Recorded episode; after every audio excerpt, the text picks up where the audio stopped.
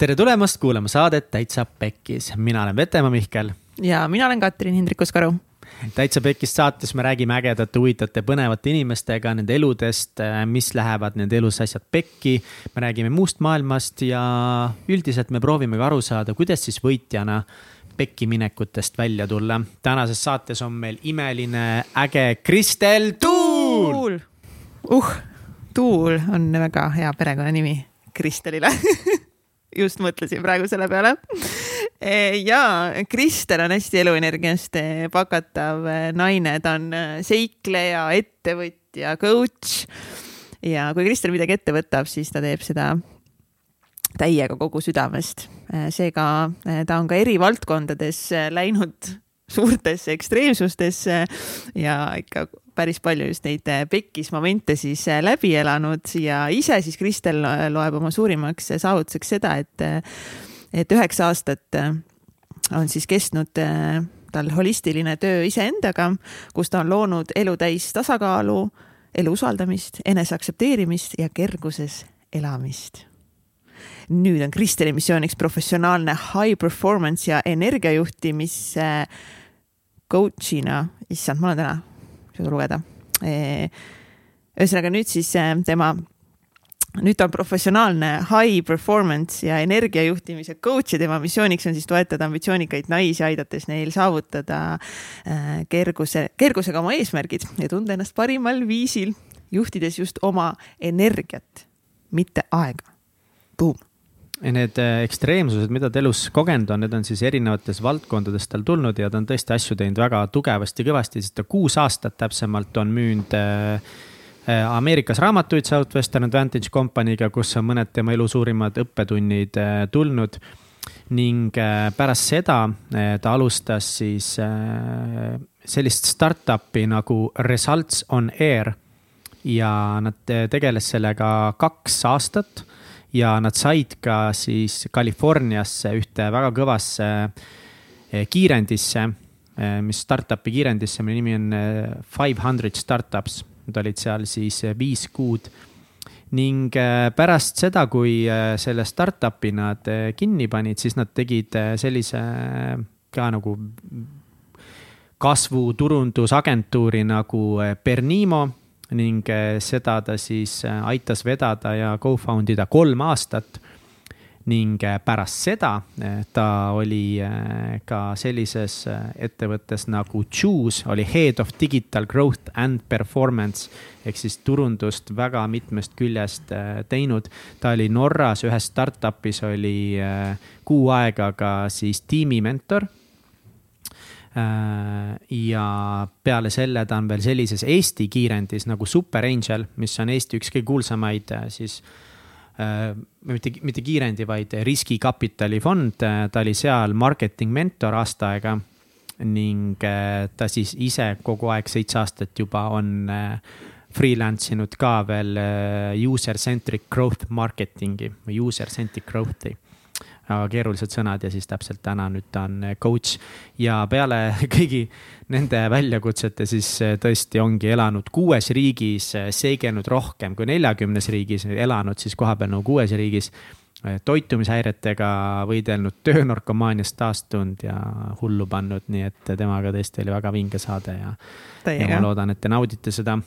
ja me küll nautisime ja enne seda, kui saate kuulama minna, siis jätkuvalt, kui tundub, et me teeme ägedat asja ja sa täiega lihtsalt armastad meid, me oleme siuksed kiisu-nunnu pallid sinu meelest. siis üks viis, kuidas energiat meile vastu anda, on hakata meie toetajaks eh, patreon.com kaldkriips täitsa pekkis. pane õlg alla meile, et eh, saaks ikka tuultepihvidega head juttu ajada täpselt ja ongi, võta seda kui energiavahetust, kui sa saatsid mingi toreda mõtte või see oli sinu jaoks äkki lihtsalt meelelahutuslik saade, sul oli tore ka meie aega, meiega aega koos veeta, siis lihtsalt energiavahetuse mõttes viska meile paar eurtsi, siis oleme nagu tasakaalus, et see on, see on lahe, proovime rohkem endas seda mentaliteeti eh, sisse sulandada ja jaga seda saadet eh, näiteks Instagramis enda sõpradega, eh, tag'i meid kindlasti, et Taitsa Pekkis saade ja kirjuta meile tagasisidet meile ja Kristelile ja et siis, äh, kuidas saade meeldis ja mis sa siit endaga kaasa võtad ja. see annab meile väga palju energiat ja jõudu juurde ja me oleme vist mitu korda maininud juba, et külalised ise armastavad täiega tasa, tasakaalu saada tagasisidet saada, et kuidas see läks, mis inimesed arvavad, et äh, nende see pressure maha võtta, kui mõni on mures, et kas ta ikka ajas normi juttu, siis saatke täiega armastust ja kui ei ole armas saata, saate konstruktiivset kriitikat on yeah. alati hea saada. muidugi. nii et aitäh teile. ja, ja vahepeal äh, Täitsa Pekis saade on paljunenud ja paljunenud äh, siis äh, Täitsa Pekis, milline mees podcast'i näol, mida siis David Mikomägi koos siin veel Jaan Kruusmäe ja Mihkel Vetemaaga siis veavad räägivad siis, eh, mis tähendab meheks olemine ja mis see nuku üldse on ja mingid siuksed teemad vist. ja, isa teemad ja mis värk nende isadega on no, no, see on väga tugev teema olnud väga mitmes saates ja ka just eh, täna salvestasime ühe saate, kus rääkisime ainult issidest, noh, nii et äh, have fun! Nautige ka seda. nautige ka seda, et praegu siis Timo Porvaliga ja Tiit Trofimoviga on saated kuulatavad ja need saated hakkavad siis ilmuma igal kolmapäeval, nii et head kuulamist tere tulemast. tšau, tšau. närveerite veits või? mul on tegelikult väga mõnus olla teiega eriti ja sihuke no., mul on väga hea olla, ma olen elevil. oi äh, me ei ole kunagi ärevuses, me oleme põnevil ja mis see teine oli? põnevil, elevil ja ongi. ja, ja, ja põnevil, elevil. väga lahe. me just äh, Kristeliga hakkasime siin rääkima, et äh, me oleme mõlemad talvel Vietnamis elanud, võib-olla küll mitte samadel talvedel aga kuidas sul läks Vietnamis? see oli kaks tuhat neliteist, ma võitsin siis, äh, ma müüsin raamatuid Ameerikas, võitsin VIP-tripi, see oli siis, et äh, kõige parimad müüjad. Said tasuta minna Vietnami. ja see oligi talvel täpselt, kus me läksime, meil, meil oli vist neliteist inimest ja hästi vahva, käisime eri äh, Vietnami kohtades, saare peal seal ja siis lõunas. aga nagu ikka päris mitmetel, ka minul siis äh, rolleriga oli sihuke hull julge, tahtsin trikitada, onju. ja siis äh, trikitasin. ei, ma pean, mida tähendab rolleriga trikitamine, nagu tõmbad noka üles, hüppad kuskilt äärekivi pealt alla või? mitte päris, äh, sõitsin hästi kiiresti, mulle meeldib tegelikult kiiresti sõita mm. Äh, ja sõitsin kiiresti ja siis loomulikult loomulikult me olime kruusatee peal ja siis äh, tuli auto, ähm, tuli, ma olin hästi kiiresti sõitsin ja siis auto tuli vastu ja siis ma vajutasin esipidurit muidugi ja siis ma oma vasaku küljega libisesin mööda kruusateed niimoodi, et mul siit oli täitsa nagu luudeni maas ehk siis küünarnukist ja siis kõik mul üks äh, säär ja siis jala laba peal ka oli nagu nahk maas, aga siis oli adrenaliin nii suur, siis ma olin jee, nii lahe. see oli sihuke nagu valu ja elevus samal ajal. aga vaata, mis oli huvitav, mis äh, mingil määral kirjeldab minu nagu sihukest ellusuhtumist, et äh, see juhtus vist reisi keskel ja siis mul oligi, ma tegin teadliku otsuse, et okei okay,, eh, ma võin nüüd ollagi mingi nädal-kaks lihtsalt hotelliruumis, sest eh, noh, ma põhimõtteliselt ühe poolega väga liigutada ei saanud ega kõndida. või ma lihtsalt äh, aktsepteerin seda ja ei lase sellel oma reisi ära rikkuda.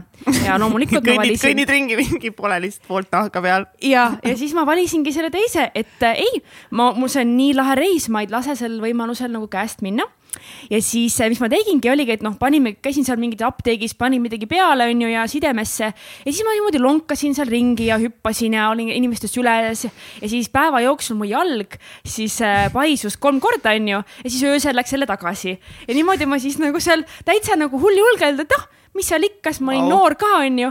ja siis äh, mingi hetk me veel mõtlesime, et läheks koobastesse äh, ronima ka, et niimoodi ülesse. siis mõtlesin, mis seal on nagu, et äh, küll ma ikka saan, onju. aga siis ma jõudsin sinna linna, kus nad, seal on siuksed hästi kihvtid suured koopad ja siis seal ma käisin haiglas uuesti, kus öeldi, et vist peab nahka siirdama. see oli Marble Mountains või?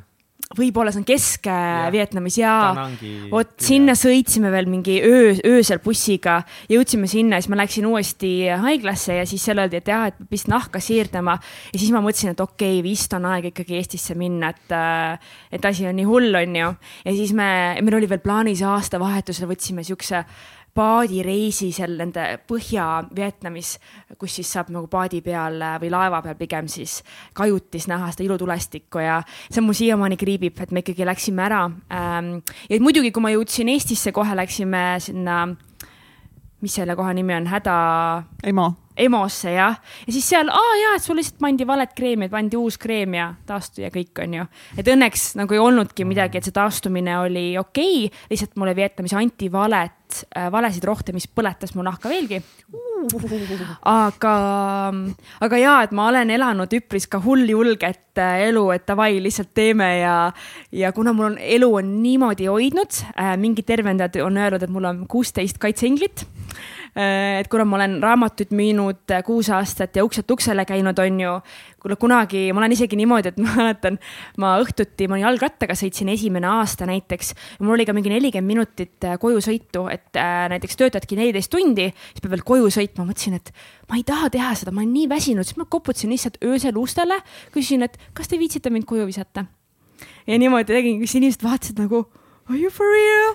siis mingi jaa, et äh, lihtsalt, et mingi sihuke hull julgus ja, ja elu on nii hoidnud ja see on ka mind nagu kandnud ja, ja aga no eks ma nüüdseks olen palju nii-öelda tänulikum ja hoian ennast rohkem mm -hmm. kui varasemalt, et ei äh,, ei näe ka seda pointi, et riskida, et vaatab, et mis, millal siis ma ei tea, elu päriselt mingi siukse hoiatuse annab väga eluohtlikku, et seda mul ei ole vaja. et kui täna juhtuks sinuga sama äh, asi, et siis äh,, siis sa käituksid teistmoodi.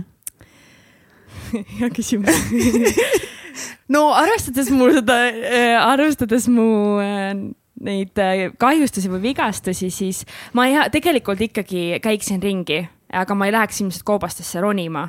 aga, aga oligi, meil oli osad seal eh, tiimis või selles eh, seltskonnas, kes ka kukkusid eh, rolleriga ja nemad jäidki siis hotellituppa päevaks.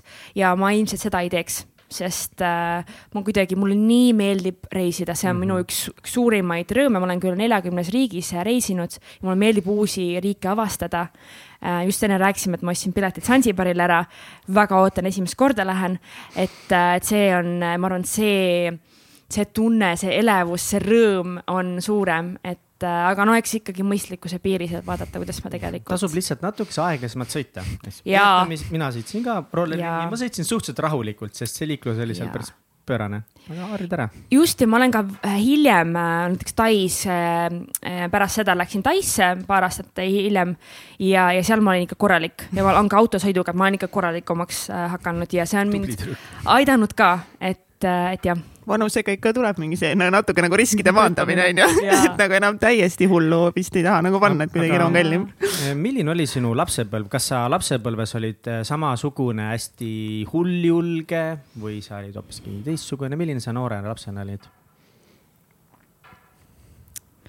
see on hea küsimus, et mida üldse, mis tähendab üldse lapsepõlv on ju, et mis vanuses.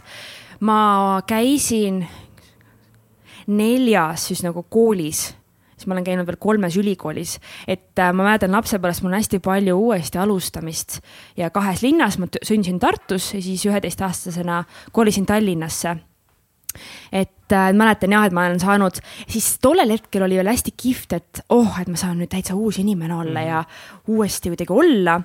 aga mm, aga jaa, et äh, ma olen lapsepõlves äh,, mul oli hästi kihvt, ma olin Tartus, meil oli sihuke oma gäng ähm, korterelamute juures, kus me mängisime, mäletan Spice Girlsi ja Britney Spears ja mina olin yeah,, äh, ja mina olin Baby Spice ja et, et siuksed, et äh, hulljulge, noh, ma olen ikka mingi rulatanud ja ma olen hästi tomboy noorena, et sain poistega väga hästi läbi ja äh, sõitsin äh, jah, rull äh,, rulaga ja, ja siis äh, jalgrattaga ja mul olid need fishbone'id, mäletan, ja siuksed skater girl, see faas oli mul ja et äh, käisin rämbi peal hängimas, mina ise ei sõitnud, aga käisin hängimas. Mm, -hmm. et, äh, et siuksed faasid aga kui sa pidid nii palju koole vahetama, kas sul koolides oli pigem siis vähe sõpru või oli palju sõpru?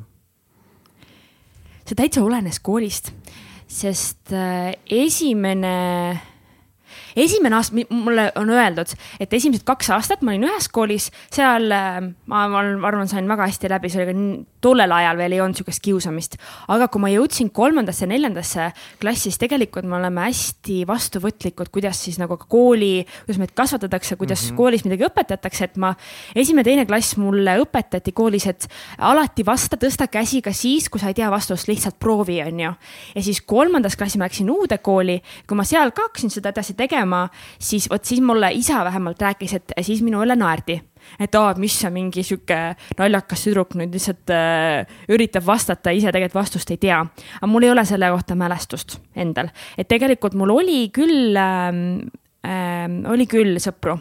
aga kui ma jõudsin nüüd viiendas klassis, ma läksin Tallinnasse, kus mul oli täitsa uus, mul on isegi siis äh, väljaspool kooli sõpru ja vot seal oli ras-, esimene aasta oli sihuke, see oli uus kool, kus kõik olid nagu uued inimesed, et selles mõttes oli tore. Ja mul oli sõpru, aga siis kuuendast klassist äh, see oli midagi nagu juhtus, mul on oma teooriad, mis nagu juhtus, et seal tekkis mingi sihuke kadedus ja tekkis sihuke erilisus ja, ja siis hakati mind just tüdrukute poolt äh, kiusama. Äh,. vahepeal oli füüsiline kiusamine, enamasti oli emotsionaalne terror ja see kestis siis kolm aastat. Wow neli aastat, ei, kolm aastat, kuues, seitsmes, kaheksas klass. no kuidas ja. see mõjutas sinu elu, mida sa tundsid siuksel tavalisel koolipäeval? ma tundsin äh, sellist äh, sügavat äh, ärevust ja üksindust, et ma ausalt öeldes ei oodanud kooli minekut, ma ootasin, ma ma sukeldusingi õpingutesse, sest see oli minu turvatunne, et õppisin hästi, mulle tohutult meeldis lugeda, ma olen alati olnud see äh, äh, õpilane äh, klassis, kes absoluutselt kõik kohustusliku kirjanduse luges läbi.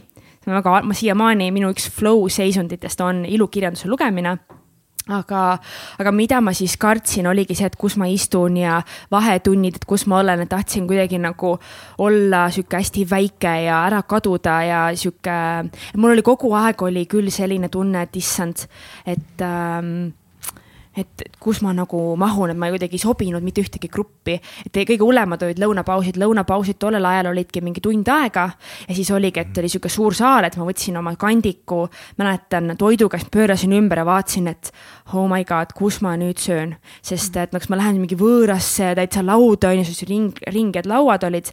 et kas ma lähen sinna või vahepeal olin kuskil teises nurgas, kuskil sõin üksinda ja see oli tegelikult päris mitu aastat, ma ei, pärast ka kooli, kooli lõpetamist ma ei, mul oli väga ebamugav üksi süüa, ma alati tahtsin kellegagi süüa, et sealt tekkis kindlasti sihuke trauma ja siis, kui ikka kogu aeg nagu igast asju, mida sa tegid, näiteks mäletan lõuna ajal, siis mul need tüdrukud klassis, kui ma valesti või noh, hoidsin nii-öelda teistmoodi kahvlit ja nuga käes, siis nad kohe nagu näi-, vaata mingi imelik, kuidas sa hoiad oma mingit kahvlit ja et kas sa ei oska süüa ja, ja mingi riietuse puhul ja, ja mul olid muidugi, mul olid prillid, mul olid breketid, et võib-olla sihuke nagu tüüpiline, eh, mis ka filmides on näha, on ju, et keda nagu kiusati.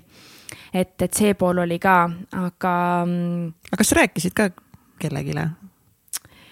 kusjuures ja mäletan üks hetk, ma sõitsin isaga koju, me olime Nõmme turu ääres, kus ma nutsin autos, et eh, et lihtsalt ma ei taha nagu kooli minna, nii raske on. täiega nutsin, sest ta ei osanud mitte midagi teha. me käisime vist küll seal äh, klassijuhatajaga rääkimas, aga midagi ei tehtud või noh, võib-olla üritati, aga mitte midagi ei muutunud. et äh, ja siis noh, eks endal oli see, et see suruski mind hästi nagu siukse introvertseks hästi sissepoole elama. ja, ja ma ei suutnud äh, vastu seista ega midagi öelda, et pigem minu sihuke reaktsioon oligi lihtsalt olla vait ja ma hästi samastun, ongi ka, ka täiskasvanud noh, naistega, kes on, keda on ahistatud või kuidas sa siis, miks sa ei räägi, et kui sind vägistati näiteks, et miks sa ei ütle midagi ja et see on, see on eriti, kui ta esimest korda selline asi juhtub, et siis äh, see, meil on tegelikult neli stressireaktsiooni üks nendest on siis freeze ehk siis äh, tardumine. ja mina olin kogu aeg sihukeses tardumises, et ma lihtsalt ei, ei suutnud ega osanud äh, vastu hakata ma olen saateski päris palju oma sellest kiusamist loost rääkinud ja ma sellest ei hakka praegu pikemalt rääkima, aga see on nii nagu huvitav või keeruline, et, et, et seda on nii raske lahendada. Et meil samamoodi nagu ühte tüüpi nagu räig, noh ikka nagu peksti läbi mitu korda. Ja temal tulid ka vanemad kooli ja see kõige haigem oligi see, et, et selle mingi lastevanemate koosolekul kõik need lapsevanemad, ei minu täiuslik mingi noh, mis suvalise nime ma nüüd ütlen, tema küll ei ole kellelegi midagi halba teinud ja, ja minu see ei ole kellegi halba teinud ja lõpuks isegi need lapsevanemad mõnes mõttes nagu ikka mingil noh, mitte nagu pahatahtlik, ikka kaitsesid oma lapsi seal ja tekkis ka lapsevanemad versus siis see üks vaene lapsevanem, kelle last kiusati ja lõpuks oligi niimoodi, et noh, kõik kutid ja tüdrukud seal klassis, lapsed nagu siis õpilased teavad, et see tüüp saab peksa. ja me nagu ei ütle midagi või me oleme ja nagu ja lõpuks ongi, et see lapsevanem jäi süüdi ja see laps jäi süüdi. Ja, ja minu teemad samamoodi, et nagu ma isegi nagu teadsin, et ma ei taha, ma ei julge vanematele rääkida, sest see teeb asja ainult hullemaks. ma ei uskunud elu sees, et see mm. lahendab, kuigi tegelikult täna nagu noh, ma tean, et ma oleks pidanud täiega rääkima vanematele sellest, aga ma hullult varjasin yeah.. ma ei usu, et seal on lahendus kuidagi noh. ja, et kui rääkida ka aju arengust, et mida ma nüüd siin Äh, aasta tagasi õppisin neuro, minu neuroõpetajalt, et äh, sellisel perioodil ongi sihuke põhikool, keskkool, kus meil ähm, tahamegi just mitte tegelikult kuulata ja olla oma vanematega, vaid meil on hästi sügav ähm, soov äh, kuuluda just oma eakaaslaste sekka ja et me valime ka näiteks mingeid muusikat või tegevusi mitte sellepärast, mis selle põhjal, mis vaid mulle meeldiks, vaid selle põhjal, mis nagu grupile meeldiks ja et nagu tahaksid äh, kuuluda, et see on hästi oluline. et ma annan selle poolest ka, et, et mis tegelikult otsidki seda äh,, seda tuge just oma eakaaslastelt, kui kelleltki saaks versus äh, lapsevanematelt, on ju. ja mäletan, see oligi, et minu üks sünnipäevadest oli ka, et mul oligi nii suur vajadus, et kuuluda, et ma, mul oli sünnipäev tulemas, ma mõtlesin, ma lugesin käe peal kätt kokku, et keda kõike ma saaks kutsuda, et kas mul on üldse sõpru, keda kutsuda, siis ma kutsusin igasuguseid väikseid, suuri ja vähegi, keda ma teadsin, et oleks nagu sõpru. et seal oli küll selline suur äh, ebakindlus ja väga suur tahe, et aa, et, et oleks ikkagi mingi ringkond olemas aga mis edasi sai siis, et kui pärast äh, seda kolme dramaatilist aastat mm? -hmm ja siis oli sihuke, noh, miks, eks ma, mu vanemad ka ikkagi teadsid, on ju sellest ja, ja siis ähm, kandideerisin ka uude kooli üheksandast siis minna ja siis äh, sinna ma ei saanud, aga siis suve viimasel päeval sain ma kõne, et üks poiss jäi istuma ja siis üks, ehk siis üks koht vabanes mm. ja et ma saan nagu üheksandast minna sinna uude kooli. mäletan, kuidas ma lihtsalt, ma arvan, nutsin õnnest, et jess, et, äh, et sihuke veel üks uus algus, et kus ma saan siis äh, sellest terrorist loodetavasti nagu äh, ma isegi võib-olla ei olnud, et see, et põgeneda, vaid ma lihtsalt tundsin, et ma saan ennast uuesti ähm, äh, inventida ehk siis uuesti nagu avastada ja tutvustada inimestele ja uuesti proovida. et, et äh, kuidas siis sellises, selles uues seltskonnas ja klassis äh, see kuulumine oleks ja see oli väga elevust tekitav. missugused ähm,, me oleme nagu väga samastunud mõnes mõttes sinuga siin, kas sul olid mingid meetodid ka või mingid mõtteviisid, mis arendasid välja just selles vanuses, et kuidagi nüüd hakkama saada ma toon näite, mida ma silmas pean, näiteks äh, mina olin kaksteist aastat ühes samas koolis, oleks võinud kindlalt vahetada, aga no jumal teab. Äh, aga õnneks gümnaasiumis nagu paljud äh, kõige halvemad inimesed läksid minema või kõige katkisemad, ütleme siis niimoodi mm. -hmm. ja oli suht normaalne, aga ma olin nii ka nagu aastaid elanud selles traumas, et minu sihuke hakkamasaamise mehhanism oli see pohhu lüliti, et nagu ah, mul on pohhu, mul on pohhu, mida teised minust arvavad, mul on täiesti savi ja terve gümnaasiumi ma jäingi kuidagi ellu niimoodi, et ma sisendasin endale kogu aeg, et mul on nii ükskõik, mida teised minust arvavad. ja oligi nagu normaalne, kaks-kolm aastat seda gümnaasiumi, palju seda on, kümme, üksteist, kaksteist. sain nagu inimestega hästi läbi ja kõik juba noh, tead, hakkasid suureks saama, hakkasid oma asjadega kuidagi tegelema ja, ja ma ei saanudki kellelegi lähedaseks ja nüüd kümme, üksteist aastat on möödas, kui ma gümnaasiumi lõpetan ja sisuliselt ma ei ole mitte ühegi inimesega kokku saanud. mitte ühelgi, meil ei ole ühtegi nagu seda kokkusaamist olnud, ma ei ole mitte kedagi sisuliselt näinud, noh kogemata olen võib-olla kolm inimest näinud. ja absoluutselt ei taha kunagi näha ka neid iseenesest hmm.. kuigi noh, nüüd on kõik toredad, head inimesed, kõik elavad, mingid pered, lapsed, kõik on nunnu on ju, aga lihtsalt yeah. see siiamaani see mehhanism minu sees on nii tugev, et ja mul on nii pohhu, mis nad arvavad, sest muidu me oleks nagu ellu jäänud ja no see trauma oli ka minuga kaasas äh, väga pikalt väga,, väga-väga pikalt ja võib-olla mingi osa ka siiamaani, aga minu reaktsioon tollel ajal oli lihtsalt panna hästi tugevad müürid ette, et ma kuidagi äh, hakkasingi aina sissepoole elama ja no põhikoolis ma elasin üks päev korraga lihtsalt saa nagu, et see päev läbi nagu, et äh, lihtsalt üks päev korraga ja, ja keskkoolis, kui ma läksin uude kooli, et seal nüüd tagasi vaadates ma ka hakkasingi tegutsema, et ma üritasin oma vaba aega mm, sisustada kõikvõimalike asjadega, et ma ei peaks nagu kuidagi lihtsalt iseendaga olema ja vaikuses. ja, ja ma tegin ka üheteistkümnes klassis teadliku otsuse, et ma töötan ennast nii kõvasti üles, et ma ei peaks kunagi töökoha pärast muretsema. Tegelikult, mis seal oli, oli see, et ma töötan ennast nii kõvasti üles, et ma ei peaks muretsema, et kas ma olen väärtuslik, kas ma olen armastatud, on ju.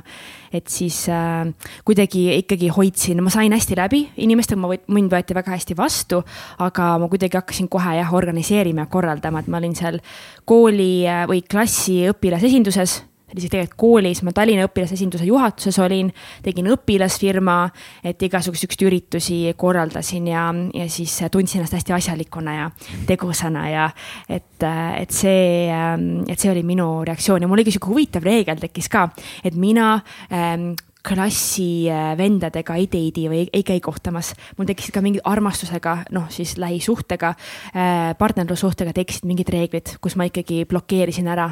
ma arvan, see tuli ka sellest äh, kiusamisest, et ma tol ajal ei saanud aru, et aga järsku tekkisid mingid sihuke kontroll ja mingid reeglid, et mul peab olema selline mees ja ei tohi olla klassivend. siis ma nagu lükkasin nad kohe friend zone'i ja hästi nagu mul hästi palju tegelikult äh, meestest või siis poistest sõpru, on ju.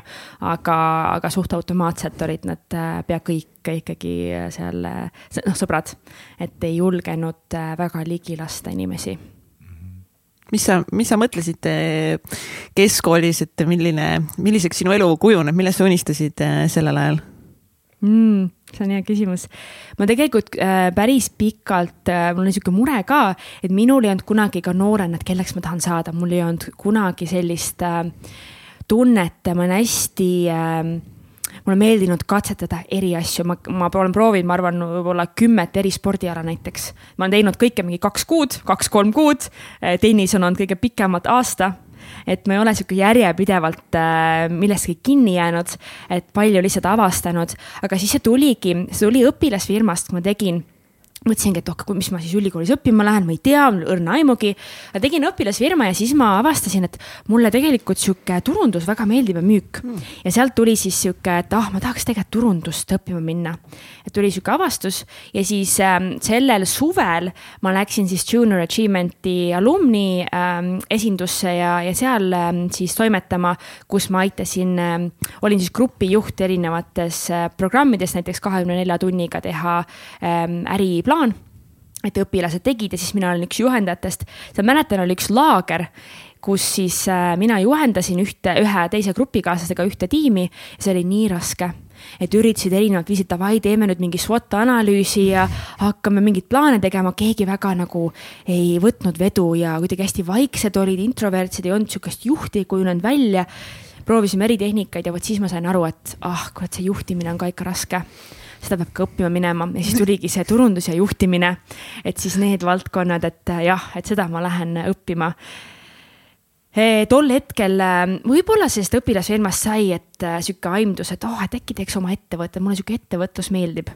aga ma täpselt ei mäleta aga, aga ma läksingi siis TTÜ-sse esiteks eh, ärindust õppima, see oli ilmselt ka sellepärast, et mul oli eh, närvivapustus, kus ma otsustasin siis eh, jääda TTÜ-sse, aga siis TTÜ ajal ma ikkagi teadsin, et ma tahan Inglismaale minna.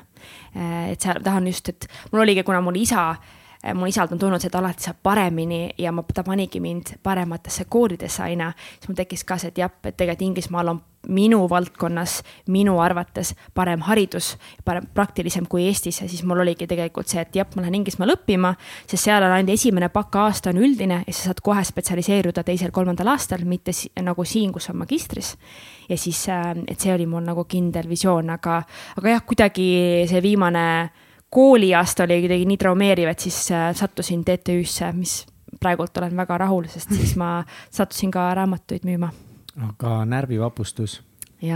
With that oh,? see on sihuke teema. Ähm, ja mul oli, ähm, oli üks hästi-hästi kihvt äh, sõber äh, meessõber või poissõber siis, kes äh, oli minusse, ma ei ise teadnud seda, ta oli minusse pikalt äh, armunud. mina lihtsalt nii ära friendzone inud, et noh, mis seal ikka on ju, ei saanud absoluutselt aru. ja siis ähm,, mis juhtuski see, et ta leidis endale teise naise ja siis äh, mäletan, kui me saime kokku ja siis ma sain aru, et vau wow,, kui me oleme koos, et äh, mind, sihuke tunne, et mind ei ole enam tema jaoks olemas ma olen nagu noh, niimoodi kõik muutus, et ta oli nagu minu nagu, noh, eks ma siis tol hetkel sain aru, et ma olin ilmselt temasse ka väga sügavalt armunud, aga täiesti alateadlikult. aga lihtsalt see, et mind hüljati äh, ja jäeti kõrvale, ma olin ikka nii südamepõhjani solvunud ja vot sealt tekkis sihuke nagu sihuke närvivapustus täitsa, et äh, hästi suur ärevus ja muidugi tõmbasin uuesti plokki. et, ähm, et kuidagi ei lasknud teda ligi ka pärast, et ei, et see oli nagu selline protsess ja ma arvan, eks ta oligi sihuke, mis see põhiteema oligi, et tundsin ennast hüljatuna ka nagu sõbrana.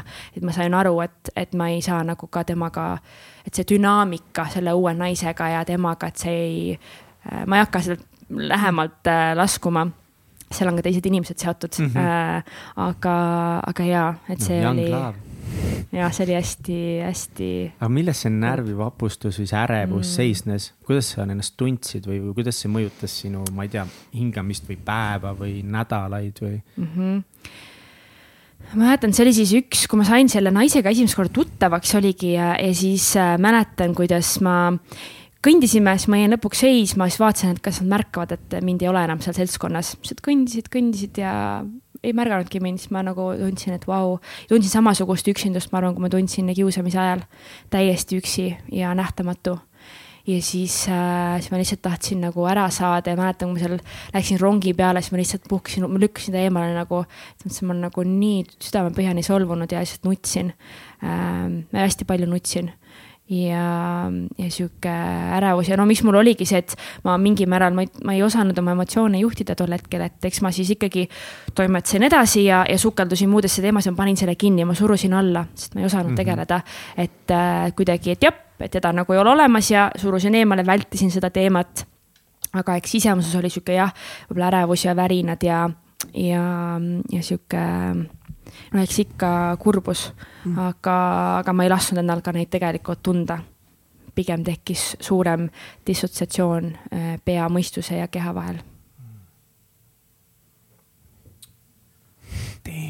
Mm.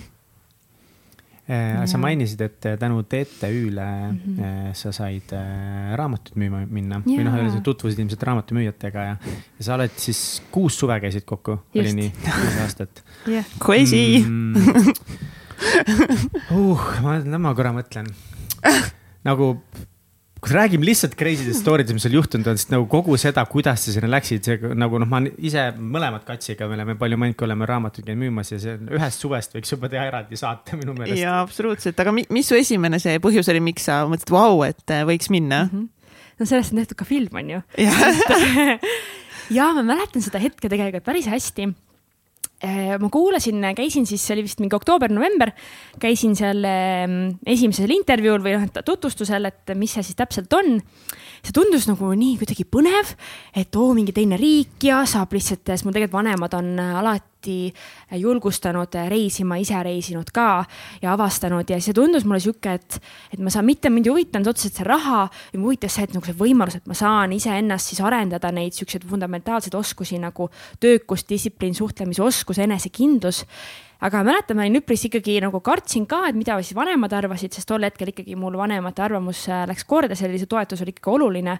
siis ma tulin nagu koju, siis rääkisin nagu kohe sellest oma vanematele, siis mäletan, mu isa ütles, et jaa, jumala lahe äh, asi, et mine täiega, siis ma mingi päriselt või oh.?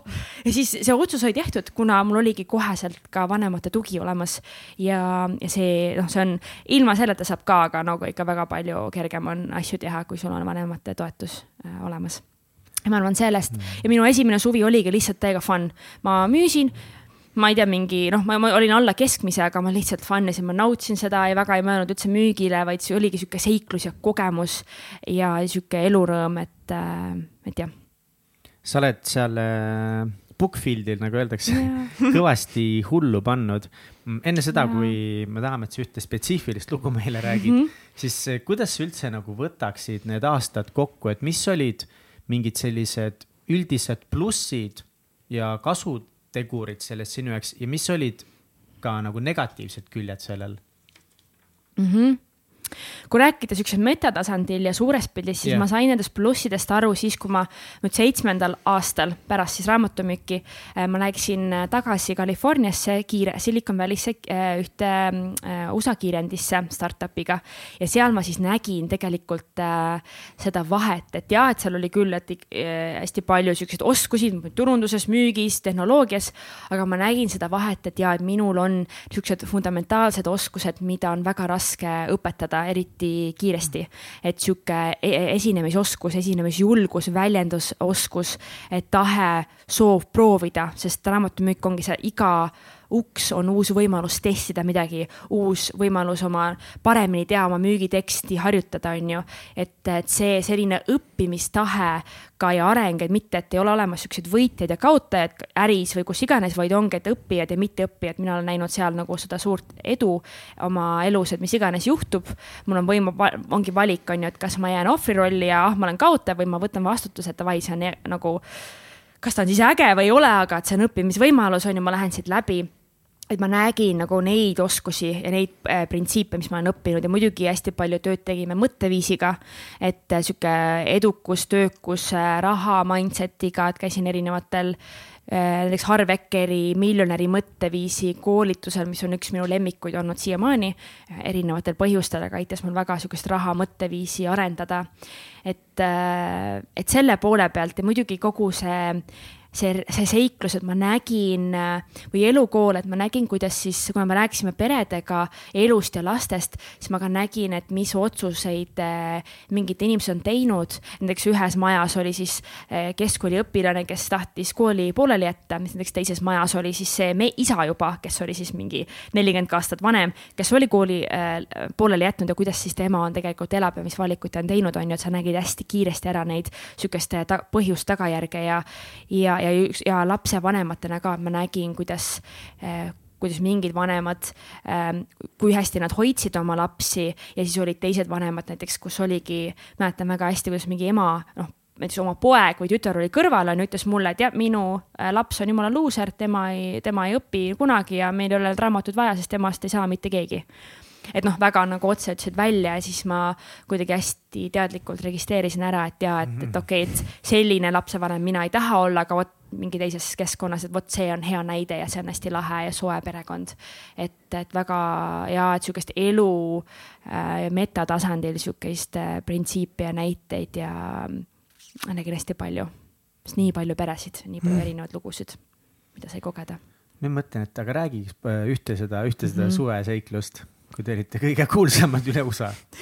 ja ma arvan, see on siukse üks, see on minu üks siukse enesekindluse üks kõige suuremaid ankrukohti ja üks äh, kõige paremaid näiteid. Ähm, et mis siis teha, kui, et, et kas sa siis võtad vastutuse või sa ei võta vastutust, on ju.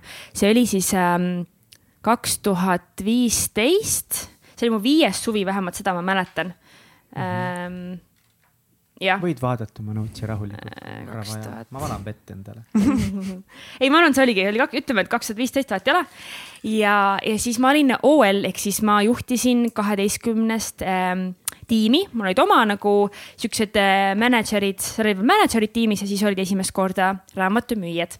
ja me läksime Oklahomasse et äh, oli suvi nagu suvi ikka, aga mis tegi Oklahoma siis võib-olla natukene teistsuguseks teiste osariikidega, et see route ehk siis route sixty six ehk siis, äh, mis on siis äh, maantee kuuskümmend kuus eesti mhm. keeles mm -hmm. läks läbi, kus on väga palju äh, äh, laste vargusi olnud ja et seal oli siis kogu, ma arvan, osariigis oli sihuke kultuuris selline hirm ja ettevaatlikkus olemas, kuna see oli hästi ähm,, hästi äh, kuidagi üleval olev ja, ja aktuaalne teema aga jah, müüsime, siis järsku mäletan, et mingil hetkel see oli minu siis äh,, elasime koos ühe tüdrukuga, kaks tüdrukut, ühega, kes hakkas mulle siis rääkima, et tead ja et mul siin keegi väga ei lase sisse ja, ja ma ei tea, nii raske on, inimesed nagu ütlevad, et ma varastan lapsi ja siis mõtlesin, et ah, mis seal ikka, et seda on alati olnud, iga aasta on olnud, see läheb kiiresti üle, see on nagu no big deal on ju ja siis, aga see läks nagu edasi, siis ta läks ikka aina nagu hullemaks, mina hakkasin ka seda märkama, et okei okay,, et inimesed nagu vaatavad kardina tagant, kes see koputab ustele, ei saa sisse, ütlevad kao minema ja, ja siis, mis selguski, et oligi, et siis minu see toakaaslase oli lihtsalt ühe, ühe emaga rääkinud nagu ikka, see on huvitav, et selle ema nimi oli Kristel.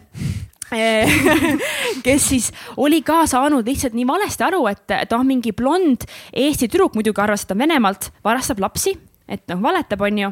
ja oli postitanud siis sellest äh, Facebooki postituse, et olge kõik ettevaatlikud ja siis juhtpuhuslikult sellel, see oli mingi saja kuuekümne aastase selle Southwestern Advantage'i aasta jooksul siis tollel, tollel aastal läks see nii viraliks, et seda jagati umbes kaks-kolm tuhat korda üle Ameerika ja Kanada.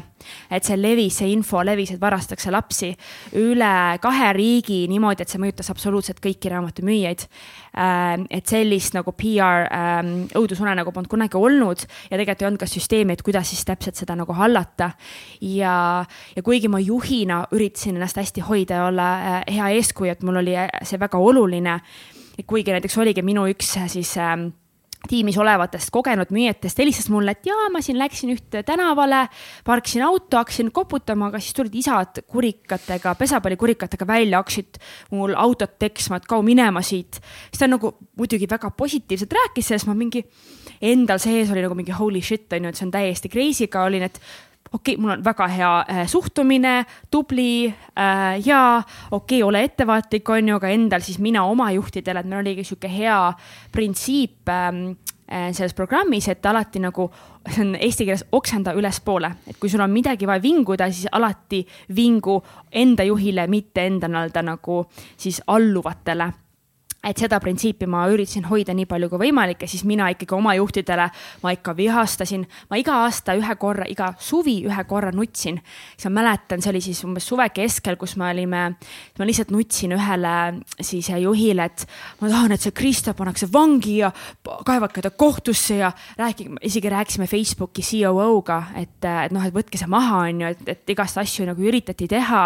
aga noh, see sõnavabadus, et mida sa teed, on ju.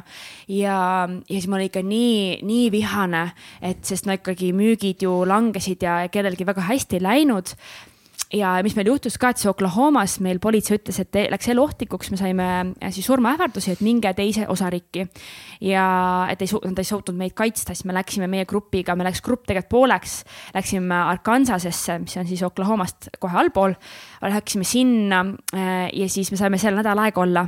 ma peatan sind korra siin, mis tunded äh, sinul läbi käisid tiimijuhina ja ka lihtsalt inimesena, kui te hakkasite surmaähvardusi saama? E, mina ise ei saanud mm, -hmm. see pigem, see oli politseilt tuli mm, -hmm. et, et selle poolest see, minul seda nagu kartust tegelikult ei olnud.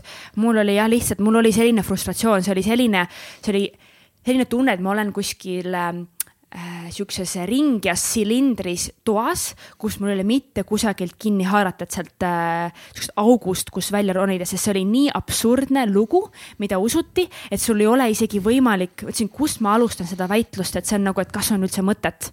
et, äh, et meil oli kõik legaalne, et nagu, kus ma räägin, oligi selline nagu äh, selline abitu tunne, samas hästi frustreeriv selline nagu ja oligi, tahtsin, tahtsin täiega kontrollida, ma olin nii vihane, et nagu kurat küll nagu, et, et miks inimesed mõtlevad niimoodi ja nii rumalalt ja.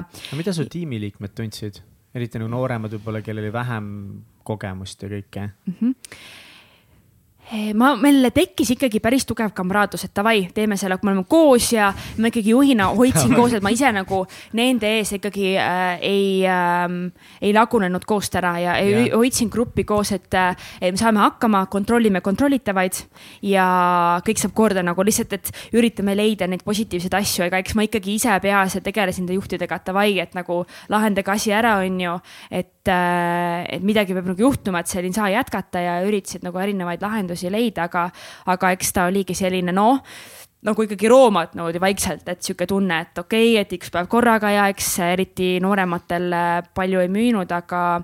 allaandmise mõtteid? Eh, õnneks ei olnud ja siis oligi, mis juhtus, et me Arkansases saime olla nädal aega, kus meil jälle politsei ütles, et eh, on eluohtlik, et peate ära, ära minema osariigist. siis me läksime lõpuks Texasesse ja vot seal, see oli tegelikult suve keskel, see juhtus päris ruttu ka et äh, vot seal me siis otsustasin, mäletan, et okei okay, et äh, pärast seda nutmist ka, et mul on nüüd äh, valik, et kas ma lasen sellel äh,, siis ma võtsin ikkagi vastutuse kogu oma tiimi eest, kas mul on valik, et ma lasen sellel Kristelil ja sellel olukorral defineerida oma suve äh, ja oma aastat, sest noh, väga paljudel on see ka tegelikult terve aasta teenistus on ju ja et kuidas ma tahan nagu sellest suvest rääkida, on ju. olla ohvri rollis, et jah, meil ei läinud üldse hästi äh,, sellepärast on ju, et mingid välised tegurid on ju ja, või ma üt-, ei, ei lase sellel, et see naine ei ole väärt seda, et ma nüüd ähm, kuidagi alistun või olen ohvri rollis, et ähm, kuidagi alistun sellele, et ah oh, jaa, okei okay,, okei okay, ja tõesti, et, et nii halb olukord, et ma siis lasen nagu lihtsalt kulgen selle suve lõpuni.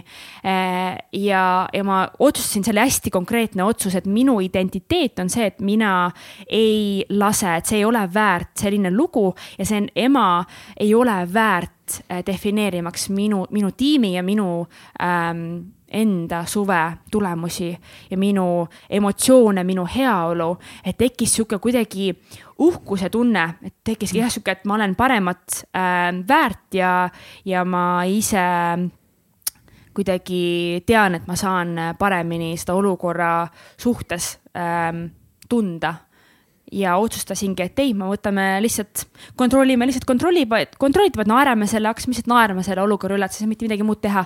lihtsalt naerda ja see oli huvitav, see oli nii lahe kiht, et tegelikult ongi, et kuidas siis tegelikult meie harjumused ja välismaailm muutub, et, ähm, et ei ole nii, et lihtsalt mingi hakkad välispidiselt midagi paned ennast mingi keskkonda, mugavasse keskkonda ja siis kõik muutuvad. tegelikult äh, järjepidevalt on see niimoodi, et sul ongi, et, et sa kõigepealt muutub sinu uskumused ja identiteet. siis oligi, et jep, mina äh,, minul läheb suvi väga hästi, ma ei lase sellel mis iganes olukorral äh, ennast niimoodi mõjutada Äh, ja, ja siis äh, hakkas ka tegutsemine, mis oligi, et meeskonnaga hästi suur kamrallus, davai, teeme ära. sa nagu mõtled, me oleme selline lugu, et me saamegi nagu lihtsalt selle läbi teha, et see on nagu nii lahe, selline nii hea enesekindluse ankrukoht on ju.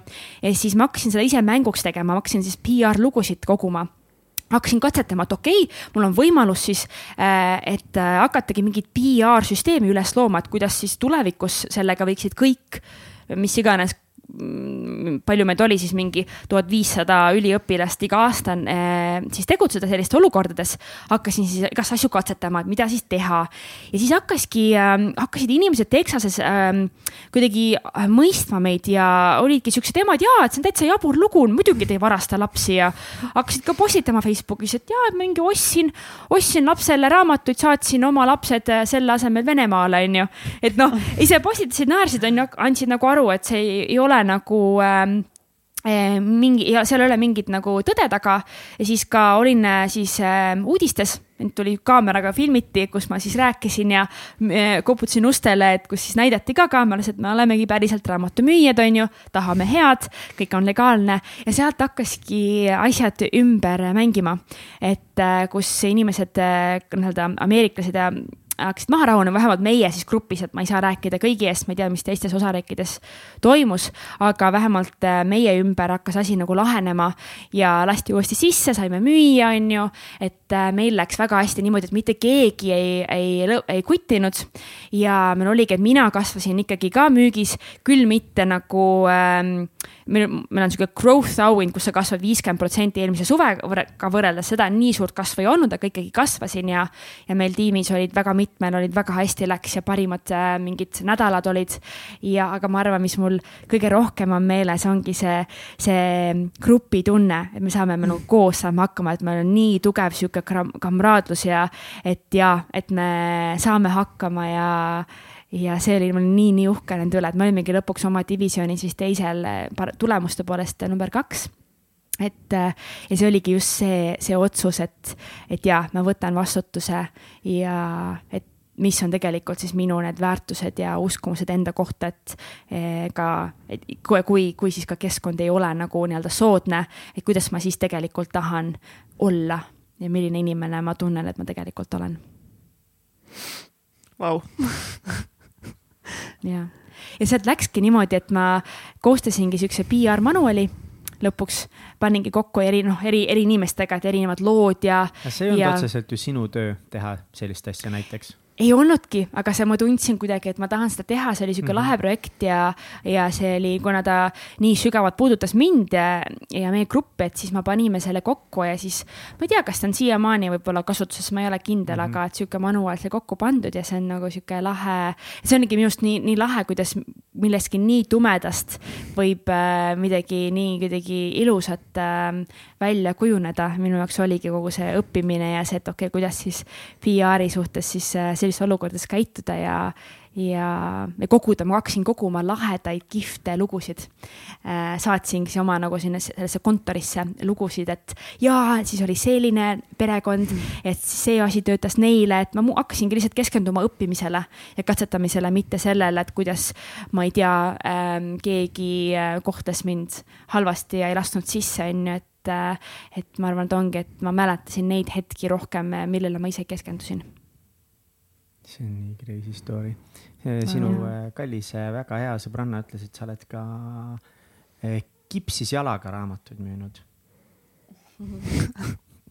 Kuidas sa nagu karkudega kapsasid ringi või kui kipsis su see jalg oli? jaa, mäletan, mis see oli, kas mul oli mul kolmas, teine-kolmas suvi ta ei olnud päris nagu kipsis, ma väänasin jala välja, ma okay. lihtsalt äh, astusin tänaval nii halvasti, et ma lihtsalt mäletan, ma lihtsalt kukkusin äh, selili äh, tänavale, väänasin jala täielikult välja. aga muidugi meil oli sihuke printsiip, et äh, raamatumüügis, et kas sa lähed tööle või sa lähed äh, arsti juurde, on ju, et kaks varianti. niisama nagu äh, äh, kodus olemist ei ole. siis ma, eks ma läksin äh, äh, siis äh, EMO-sse ja, ja siis pandigi kipsi või noh, tähendab mingi väike lahas pandi, on ju, sidemesse, et luumurd ei olnud ja siis oligi kargud. jube ebamugav oli, mäletan seda kusjuures oli huvitav fakt, sellega mäletan, kui ma ähm, kui ma koju läksin tollel õhtul, mul oligi jalg oli nagu paistes, mega valutas on ju, muidugi, aga ma kohe ei läinud, ma tegin tööd edasi. väänasin jala välja, davai, mulle valus oli, siis mul ema mingi ütles, ah äkki on purus, mul tekkis täiega sihuke ärevus ja selline huh, huh, hingasin hästi nagu pinnapealselt ja, ja, ja kiiresti, et mis nüüd on, on ju, sihuke hirm oli aga tegin töö, tööd lõpuni, hästi kohusetundlik olin ja siis mind peatas politsei kinni äh, õhtul teel koju. ütles, et äh, neiu, et kas te olete purjus, kas te olete joonud? siis mul täiesti šokk, et mis asja nagu ja et minu taga olev äh, auto oli arvanud, et ma äh, sõidan nagu purjus inimene ja, ja siis oli täiesti suur šokk, ma ei ole seda mitte kunagi äh, teinud, ka siiamaani. aga mis ma pärast siis teada sain, et esiteks oligi, et ma olin nii äh, šokis ja nii siukses ehmatuses, et issand, mis mul jalaga on, on ju. et et, et sellega, mis pani mind nagu väga siukse singa-vonga äh, sõitma. aga äh, kui ma hakkasin siis biohäkkimisega tegelema kaks tuhat seitseteist, siis ma lugesin minu nüüdseks ühte lemmikraamatut Matthew Walkerilt, et äh, Miks me magame, Why we sleep, kus on ka kirjas, et, et kui sa oled üheksateist tundi üleval, siis sa käitud nagu purjus inimene ja sul on neli korda suurem tõenäosus sattuda autoõnnetus, autoõnnetustesse. ja siis ma sain ka aru, et vau wow,, et ma olen ilmselt ka kõik suved äh, praktiliselt nagu purjus inimene nii-öelda sõitnud, mitte enda teadlikult, aga et lihtsalt see, see tohutu, nii pikalt üleval ja nii intensiivselt töötad, on ju. et see ka ilmselt mõjutas seda sõidustiili, mille pärast siis ka politsei mind kinni pidas. aga, aga noh, ma seletasin talle olukorra ära, et jaa, mul on siin, kukkusin ja mul on mingi, jalg on paistes, et siis ta lasi meil ilusti minna. aga millistesse mustritesse lõpuks see raamatu müük sind siis pani, et sa mainisid, et sa said mm -hmm. nagu väga mhm. palju koolitusi ja sa olid väga, eh, oh mm,, by the way, oled sa nõus jagama ka oma kõige edukama suvenumbreid või? või on saladus? ei ole saladus üldse no palju raha. ma arvan, see oligi. palju raha, ma arvan, see on, äkki see oligi kuues suvi, mina olen üks vähestest, kes iga aasta kasvas müügis ähm,. äkki see oli mingi, mingi seitse tuhat ühikut või midagi sellist. ma arvan, et ma teenisin mingi nelikümmend, viiskümmend tuhat dollarit, noh, see on käivet, on ju mm, -hmm. aga ikkagi ütleme mingi nelikümmend tuhat. Äh, jah neli, nelikümmend viis, niimoodi, muidugi siis oli veel, me müüsime ka äh, online äh, subscription eid, ehk siis meil mm -hmm. oli ka mhm. sihuke internetis sihuke koduleht, kus äh, sai siis igakuiselt äh, emad äh, said kasutada või pered ja sealt sain ka siis iga kuu sain äh, ka mingit raha et, et siis ta tuli ka ikkagi ja see oli siis iga aasta, on ju, ja siis ta kogunes edasi, et, et päris, et sain ikkagi täitsa mm, aasta, kaks, kolm, noh, mul ikka sihuke väga, mingi rahamuster on olnud varasemalt, et ma olen sihuke rahavältija olnud, et siis ma ikkagi eh, elasin eh, täiel rinnal siin kaks-kolm aastat niimoodi, et noh, kulutused olid ka vastavad ja ka sain kõike lubada, et eh, jah aga kõik need koolitused, asjad mm, -hmm. need ähm,, sa ütlesid nagu midagi sellist kunagi öelnud, ma võin nüüd eksida, et, et hästi nagu mehelikus energiasse surus see mind võib-olla või mis olid nagu mis on need varjupooled? Sellisel rängal töötamisel ja sellisel väga nagu ekstreemselt saavutusele suunatud mõtlemisel? jaa, sellest ma olen saanud siin hiljem aru või see oli tegelikult äh, aastal kaks tuhat kaksteist, ma sain aru, et okei okay,, midagi nagu ei, ei tööta. aga et on olemas lihtsalt erinevad viisid, kuidas sa võid saavutada täpselt sama asja, aga lihtsalt, et see, kuidas see protsess võib väga erinev olla ja tollel ajal oli hästi, see on isegi ainult raamatumüügis, ma arvan, see oli kogu selles edu ja töökuse kultuuris oli väga palju meeste õpetusi meestele nii-öelda, meestelt meestele, et ongi hustle, grind, repeat. see oli see five am climb, et kell viis ärkad ülesse ja, ja lihtsalt maga siis, kui sul ongi, magad siis, kui sa oled surnud. et selle, ma mäletan, mingi Arnold Schwarzenegger oli ka nagu, et sleep faster nagu, maga kiiremini, et, äh, et siuksed printsiibid ja need muidugi oli, seda oli ka raamatumüügis on ju nagu igal pool, kus siis õpetatigi, et äh, davai, viis viiskümmend üheksa ülesse ja kohe siis külm dušš ja see seitse viiskümmend kaheksa tööle ja sihuke põmm-põmm-põmm-põmm, et iga sekund oli ära määratud, mida sa millalgi teed. mis mingis mõttes oli, ta oligi hästi lihtne, sa ei pidanud tegelikult mõtlema, sest meie tohutult võtab, iga otsus võtab meilt tohutult energiat ja tegelikult sa ei taha raisata energiat asjadele, mis tegelikult ei paku sulle väärtust a la, sellepärast ma alati oma klientidele soovitan ka, et alati planeeri oma päev ja nädal ette ära. et sa siis, kui sa tegutsed, siis sa ei pea mõtlema, mida sa järgmisena teed.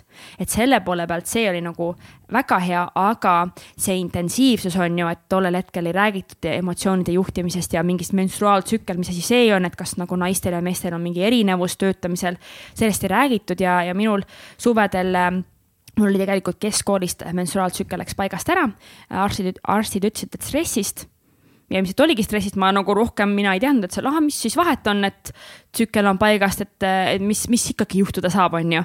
et tänapäeval ma tean, et sellest võib isegi vähk tulla, on ju, et väga hullud haigused, aga tollel hetkel ei teadnud ja siis oli mugav, et suvedel päevad, päevasid ei olnud. väga, väga tore mitte ühelgi wow. suvel, väga mõnus, et ei pea muretsema selle eest ja. kolm kuud siis? just, kolm-neli kuud, et ja ma, mul oligi, mul oli väga mul väga tugev, ma ei tundnud oma keha, ehk siis mul oli väga edukalt sihuke nii-öelda sulgudes edukalt või jutumärkides edukalt siis äh, minu mõistuse pea ja keha vahel oli dissotsiatsioon, ehk siis ma ei tundnud äh, oma keha, surusin selle nii alla ja ma lihtsalt töötasin, ma teadsin, mul oli selline eluenergia, et ma teadsin teadlikult, et ma olen võimeline ennast surnuks töötama wow.. see oli päris hirmus, aga ma lihtsalt, ma ohverdasin kõik, et see oligi see, et jah, et ma, kui ma juba selle töö ette võtsin ja et, et ma ohverdasin ju kõik inimesed äh,, eraelu, et seda teha, et milleks siis ohverdada, kui ma ei anna ennast kõik, on ju. ja siis oligi, et äh, puhkus oli mul viimasel kohal äh,, uni ka, ütlesin, et see on, puhkamine on mõttetu, et milleks on ju aja raiskamine, saab midagi asjalikku teha ja ja, ja ma teadsin, et selline mul on eluenergia nii palju antud, kuidagi mul on äh, suguvõsas, ma tegin konstellatsioone siin paar aastat tagasi, siis ma sain ka teada, minu isa poolt mul on äh, siis naistel on hästi tugev, äh, siuksed hästi kõvad naised, hästi töökad naised, võimekad naised, ma tunnen, et sealt on mul seda eluenergiat antud, et aga päris hirmus oli nagu tunda seda, et jah, et võin täitsa surnuks panna nagu lihtsalt julmalt lõpuni välja ja, ja ma arvan, mis mind, mis aitas sellega, oli see, et ma lihtsalt olin oma kehatunde kõik kinni mm. pannud, et siis on liiga palju nii-öelda lihtsam nii lihtsalt panna otsast lõpuni kuusteist, viisteist tundi päevas nagu tampida.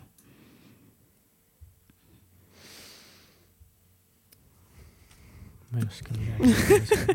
no see on kuidagi jah, selle kuidas vahepeal on jah, kuidas ühiskond nagu eriti meid nagu naisi on, on nagu surunud sinna hästi mehelikku poolde ja grind ja hustle hard ja nagu tulemused tulevad läbi raskuse, läbi vere, läbi pisarate, noh.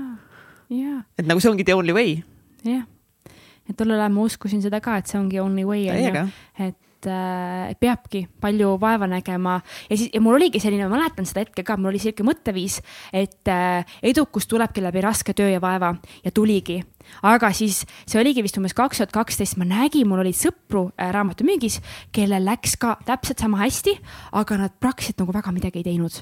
kuidagi hästi kergusega mingi aa, chill ja mingi oh joppas ja siis mõtlesin, et mul tekkis ka sihuke nagu, ma olin hästi jonnakas, olin siiamaani sihuke, et oota, mis mõttes nagu, et ma tahan ka seda, et noh, see oli nagu mitte nagu halvustavalt neile, aga ma mulle töötas see, et ma võrdlesin neid äh, ennast nendega, et mina olen tegelikult täpselt sama hea, võimekas inimene või isegi parem kui nemad. Äh, et, et mul on ka võimeline siis kuidagi teistmoodi siis ka seda edu saavutada, on ju, et miks see peab selline niimoodi, et keha on pinges, õlad on üleval, on ju, sihuke kramplikult äh, läbi suruda, mida ma suutsin ja ma saavutasin ka edu ja siis, äh, siis ma hakkasingi vaatama, et oota, et, peab olema ka mingi muu tee, sest selline läbi, põlesin mitu korda läbi, et hästi kiiresti nagu töötasin palju, siis oli sihuke mingi paariks nädalaks oli sihuke, et ma ei jõua midagi teha, siis jälle otsast peale, onju. et äh, ma tundsin, et selline kuidagi hästi tugev emotsionaalne kõikumine, siis ma olin siukes, kogu aeg olin stressi olukorras, et siis nähvasin ja sihuke, et ärevust ja sihuke tormakust, et ma tundsin, et ma niimoodi ei saa enam jätkata, et see oligi mu baka lõpp Äh, lõpetamine on kevadel Inglismaal vaatasin taevasse, oli sinine taevas ja kuidagi järsku tuli see, et Kristel, et kui sa ei lõpeta siukse nagu tuleviku utoopia nimel rahmeldamise, et kus, et jah, tulevikus siis on kõik, siis mul on raha ja siis ma puhkan ja kõike teen tulevikus, on ju. Äh, oma eraelu, armastus, pere, on ju. et kui ma ei nagu ei õpi hetkes elama ja olema, siis seda utoopilist tulevikku ei tule mitte kunagi.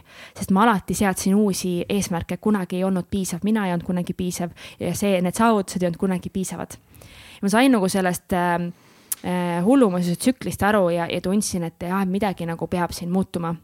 ja siis äh, tollel hetkel, vot see oligi see, et see identiteet, see otsus muutus, et minu väärtused hakkasid muutuma, et ma nii lihtsalt, see ei ole nagu väärt seda, siis mul oli tühi tunne. Äh, et kogu aeg töötan, töötan, aga aga sisemuselt oli sihuke tühi, on ju, sest äh, mind tegelikult raha ei ole kunagi motiveerinud. ja ma kuidagi seda armastuse ja väärtuse tunnet lihtsalt üritasin kuidagi katta ja toita lihtsalt läbi töökuse, aga, aga tollel hetkel ma hakkasin aru saama, et ja et see nagu ähm, teeb asja hullemaks, sest et kunagi ei ole piisav põhimõtteliselt see peamine driver, mis sinu, mis oli selle taga, miks sa nii palju vaeva näed oma elus või nägid, oligi see, et sa lihtsalt tahtsid tunda ennast, et sa oled piisav et sa oled väärtuslik või sa otsisid mingisugust armastust, et keegi sind armastaks, jumala eest, vaadake, kui tubli ma olen. Mm ja, ja et eks ta ole, et on tulnud sellest äh, ilmselt sellest kiusamisest on ju ja siis äh, noh, meil enamikel on, minuvanustel on see sünnitrauma on ju, kus kohe viidi ema juurest ära pärast sünnitust. ja siis mind äh, üheksa kuuselt jäeti veel pooleteiseks kuuks vana-vanaema juurde, et mul vanemad said väga super võimaluse minna Ameerikasse. ja nõukogude ajal oli see väga suur võimalus ja siis nad jätsid, on ju. mul ei ole mitte mingit pahameelt selle osas, ma ei mäleta seda, aga ilmselt jah, üheksa kuusena nagu tunda, et vanemad on sind maha jätnud jätnud, on ju, et see võib päris traumeeriv olla, et ma arvan, et see siuksed, siuksed hetked on mul hästi sügavalt ähm, äh, siukse mustri tänaseks seda enam ei ole, aga tollel ajal oli väga tugevalt ikka aastaid äh, oli see, et jaa, et kust saab seda armastuse tunnet. aga mida sa hakkasid teistmoodi tegema, kui sa vaatasid seda taevast seal baka ja. lõpetades, et niimoodi enam ei saa jätkuda? jaa ähm,, ma võtsin endale coach'i, mäletan, see oli minu arust nagu esimene samm. Äh, et ma lihtsalt olin nii ekstreemsuses, nii siukses, et äh, tegutsemises, et äh, ma tundsin, et ainult keegi teine ähm, saab mind aidata ja mind on üldse, mulle on väga meeldinud inimestelt õppida, sest ma tunnen, et nii ma saan palju kiiremini ja kaugemale liikuda, et see on alati sihuke efektiivsus ja olnud, et tark, et okei okay,, et igasuguseid ähm, coach'e ja koolitajaid on mul elus olnud ja oligi coach, life coach aastaks, kes esimese hooga õpetaski mind puhkama, et saada sealt nagu see tasakaal ja ja minu üks tollel oligi lemmikraamatuid äh,, siiamaani on The Power of Full Engagement, mis räägibki siis energia juhtimisest, mitte aja juhtimisest. ja mis on inspireerinud väga palju siis ka minu sihukest äh, brändi ja coaching ut aga et seal, aga noh, tollel ajal minu sihuke väga töönarkomaania mõtteviis, mida mina sellest raamatust lugesin, oli see, et, eh, et mida rohkem, ahah, et kui ma pause teen, on ju, pause võtan, et siis seda efektiivsemalt ja rohkem saan töötada. siis on see ahaa, et mitte see, et mingi, et ah, et lihtsalt naudi elu, et ei, et siis minul, see oli nagu see, sa ei saa nagu sada kaheksakümmend kraadi muutust kohe teha, on ju, aga see oli see nagu jõnks eh, mingi tasakaalu poole, et ahah, et siis see aitas minu nagu mõtlemisel aktsepteerida seda, et ma lihtsalt püsin paigal. ja esimene harjutus, mis äh, minu coach andis mulle, oli küünla vaatamine. lihtsalt vaata küünlad ükskõik kui kaua, lihtsalt vaata, on ju, et meil on siuksed harjutused, saame kord kuus kokku ja siis äh, vaatasingi kodus, mäletan, esimene kord pidasin vastu mingi kolm minutit ja siis ma käisingi seesama, käisin sõbrannadega, käisime kohvikutes, kus me lihtsalt vaatasime küünalt, et, äh, et sihuke toetus oli ka. sõbrannadel oli ka vaja natukese maandust või? ilmselt küll, aga ma arvan, see oli, äh, ma ei mäletagi, kas neil oli otseselt nagu vaja, aga see oli sihuke nagu tund, tund, ilmselt tundsid, et oh, väga lahe, huvitav tegevus on ju, davai, et teeme ära et, äh, et ja, et siis sealt see sai äh, alguse ja noh, oligi, ma mäletan, et kui ma sellel aastal hakkasin seda puhkust tegema, siis mul tegelikult oligi noh, suvel ma loomulikult seda ei teinud, mingeid siukseid pause niimoodi, aga mul oli ka parim suvi et, et mingi jõnks hakkas nagu käima seal, et, äh, et jah no mis sellest edasi kasvas, kuhu sa nagu edasi viisid selle, et kui sa alguses coach'iga harjutasid mm -hmm. puhkamist, siis lõpuks mm -hmm. tegelikult sa pidid ju muutma oma mõtteviisi. ja noh, see mõtteviis äh, alguses oligi, et ahah, ja puhkamine, et see taastus, et mis minut see, mis mind äh, ajendas siis äh, üldse muutuma, oligi see, et see läbipõlemise hullus ja siis emotsioonide äh, kõikumine hästi, hästi tugev, sihuke eufooria ja siis see tugev nagu langus. et ma kuidagi uskusin ka, et, et elu käibki, et on, on sihuke tõus ja siis on alati on langus, tõus ja alati langus on ju.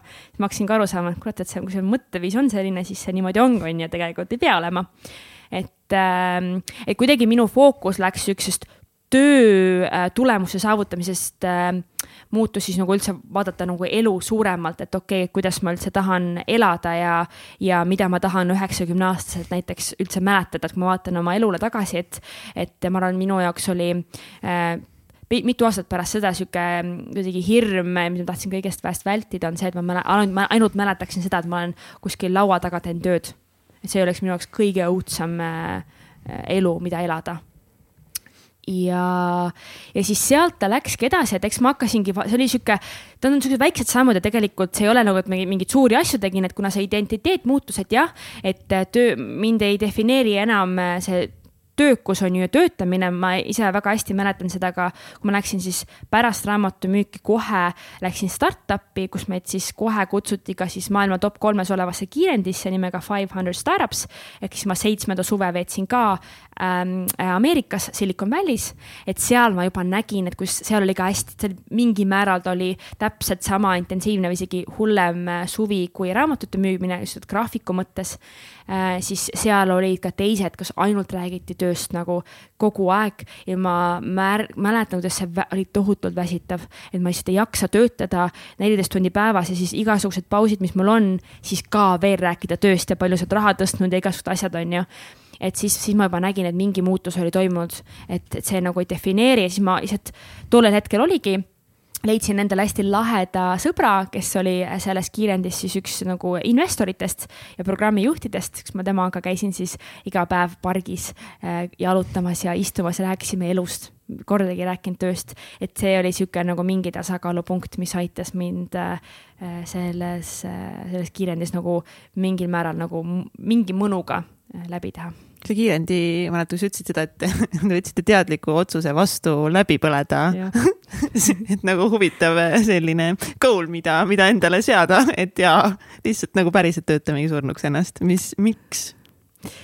ja äh, see oli äh, see, ma arvan, peamine põhjus oli see, et me tahtsime, me nägime, et see on lihtsalt eluvõimalus ja see oli nagu nii lahe minu jaoks tulla siis raamatumüügis mingisse internetitehnoloogia maailma. et jah, siuksed põhiprintsiibid on samad, aga müük on hoopis teine, on ju. see oli minu jaoks isiklikult nii hea võimalus äh, õppida reaalselt maailma tippmentoritelt äh,, inimestelt, et kuidas siis mingit sihukest skaleerivat ettevõtet üles ehitada. ja me rääkisime, tegime päris väga põhjaliku eeltöö, rääkisime erinevate eestlastega, kes seal elasid või olid kiirendides käinud mingi Techstarsis või Five Hundred start, Startupsis. ja, ja, ja nad ütlesid ka, nad praktiliselt kõik põlesid läbi, see on üliintensiivne ja, ja siis me nagu kuidagi teadsime, et ahah, et kui me tahame nagu maksimumi võtta, siis äh, okei okay, et me oleme valmis, siis nagu põleme läbi, aga pigem oli otsus see, et me võtame sellest maksimumi, et seal tegelikult kiirendis oli sihuke ka mentaliteet, et startup, kes esimesena kontorisse tuleb ja viimasena lahkub, on võitja. et seal oli ka ikkagi tollel ajal oli veel ähm, kolmteist, neliteist, kaks tuhat viisteist, kuusteist oli ikkagi veel see mentaliteet, et lihtsalt nagu hustle, grind, repeat on ju. et, äh, et see ka väga nagu soodustas, et nii peab ju tegema, on ju, siis me olimegi esimene, pea esimene tiim, kes äh, läks kontorisse ja viimane praktiliselt, kes lahkus, et. et selle nelja kuu jooksul oli augustis oli, kus oli viimane siis kiirendi nädal, kus ma alles esimest korda läksin kontorist ära siis, kui oli veel valge väljas, muidu oli ainult pimeduses. jah. kas äh kas sa usud siis täna, et on võimalik teistmoodi saavutada sama tulemusi, mida saavutab see tüüp, kes tuleb esimesena ja läheb viimasena ja töötab eh, ninaverist, eh, ninaveres, veri ninast väljas? jaa, sest ma ise elan sellist elu, et äh, ma, see on kihvt, et ma iga aasta teen, teen vähem tööd ja teenin rohkem ja on suurem nauding näiteks, et mul ongi, minul on mingi identiteet, et jah, et äh, ma ei, minu standardid ei lasku, et kus iganes ma vahetan pärast startup'i hakkasime tegema agentuuri ja siis pärast seda olin konsultant ja nüüd coach on ju, et minu elustiil tegelikult pärast raamatu müüki ma tegin otsuse, et minu elustiil ei saa muutuda. ma tahan reisida siis, kui ma tahan, ma tahan mingi paar kuud äkki olla välismaal. mulle meeldib minu üks väärtustest on vabadus, et ma saan nagu ise vaadata, millal ma töötan, kuidas ma töötan ja, ja rahasummadega ka on ju. et, et noh, Ameerika raamatumüük eriti veel tolle vanusena, et väga vähesed Eestis seda said teenida, on ju. siis mul oli ka sihuke nagu jonnakus, et ei, ma leian lahenduse, viisi, kuidas ma saan ka sama palju teenida või rohkem, on ju. ja see on töötaksid nii palju. just, just. aga äkki see, äkki sul lihtsalt täna sa ei tööta nii palju, sest sa lihtsalt töötasid nii palju, ehitasid vundamendi, võib-olla see kõik on ainult sellepärast, sa tegid nii tugeva vundamendi. et kui seda ei oleks ja sa praegu otsustaksid, et teate mis, ma hakkan palju raha teenima, aga ma ei taha palju tööd teha mm, -hmm. siis see võib-olla üldse ei toimiks eks seal äh, noh, kindlasti, äh, mis mind kannab, on see enesekindlus jah, et ma täiesti tean, et ma olen suuteline ükskõik kui palju vaeva nägema, et ma saan ükskõik millega hakkama. et selline nagu enesekindlus on tulnud, aga mis on nagu muutunud, on sihuke, et äh, mina tegelikult äh, saavutan äh, oma eesmärgid äh, olemise energiast. ehk siis, et ma annan enda viiskümmend protsenti nii-öelda, annan endast ikkagi parima, aga ma äh, usaldan universumi, et ka minuni siis vastavalt tulevad mingid äh, võimalused. et kasvõi see coach'iks äh,, täiskohaga nüüd coach olemine, on ju, see oli üpris hirmutav, et mis siis saab, on ju, et kui ma turunduskonsultandina ma tegin vahepeal poole kohaga mõlemat ja siis äh,, et et ma ei tea, kas mul on üldse raha, et kes üldse tahab minu juurde tulla, on ju, et äh, aga lihtsalt täiega usaldasin, et ma rääkisin sellest äh,, andsin ennast parima, et äh,, et jagada infot, on ju, ja lihtsalt hakkasid sellised äh, võimalused tulema, ma olin lihtsalt nii tänulik, et jaa davai, võtan kõik vastu nagu aitäh, aitäh, aitäh, on ju. ja alati minul on, kuna minul on kehas rohkem dopamiini, et see on, inimestel on erinevad äh, ma ei tea, kas siis sünnist antud, dopamiin on siis see, mis aitabki meil sihuke motivatsioon, et seda aina rohkem ja veel ja veel, on ju. et eh, mis tegelikult ongi pannud mind üpris ekstreemset elu elama. ma tahan aina rohkem ja suuremat, sest siis mul on see dopamiini laeng või tõus on suurem, on ju. et ma selle võrra äh, teadlikult kuidagi hoian ennast ka, et äh, ei, ei pea kõike kohe kiiresti saama, mul on sihuke kärsitust ka. ma hoian, mina peangi mingil määral ennast nii-öelda tagasi hoidma, et ja oma vundamenti hoida, minu jaoks nüüd vundament on, äh, mis, kuidas ma olen muutunud, et mina saavutan rohkem siis, kui ma magan kaheksa tundi, ma olen üheksa tundi voodis, magan kaheksa tundi, käin trennis, teen oma puhkepause, jälgin oma menstruaaltsüklit, sest äh, ei ole enam see varasemalt oli, et jah, et ma, kui ma tahan kõik asjad ära teha, ma peangi töötama kaksteist, kolmteist tundi. nüüd on see, et ei, okei okay,, et kuidas ma saaksin seda saavutada mingi nelja tunniga, on ju.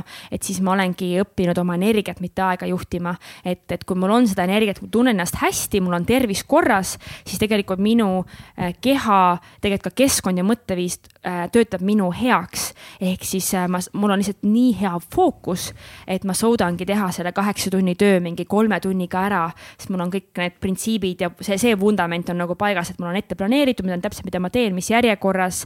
Äh, mul on energiat, ma teen pause, et kõik need asjad tegelikult, et ma olen ikkagi üpris palju asju ümber teinud ähm, to. tootes sama palju nii-öelda, ma ei tea, tulemusi kui varasemalt, aga see intensiivsus ja töö hulk on nagu öö ja päev. ja noh, tasakaal ka muude asjadega, muude eluvaldkondadega mida sinu jaoks tähendab see, et sa usaldad elu?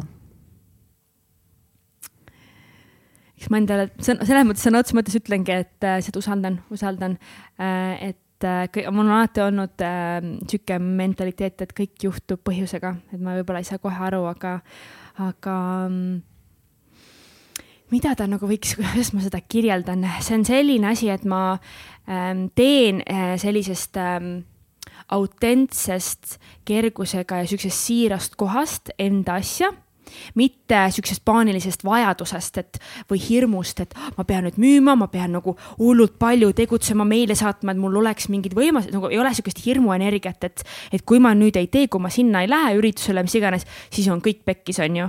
et mis mul varasemalt oli, sihuke FOMO tunne et pigem on see, et jah, et ma hästi kuulan iseennast, et äh, okei okay,, kuidas ma tunnen ennast, kas ma saan, suudan, tunnen, et ma saan nagu hakkama ja hästi jälgin oma enesetunnet ja seangi piire.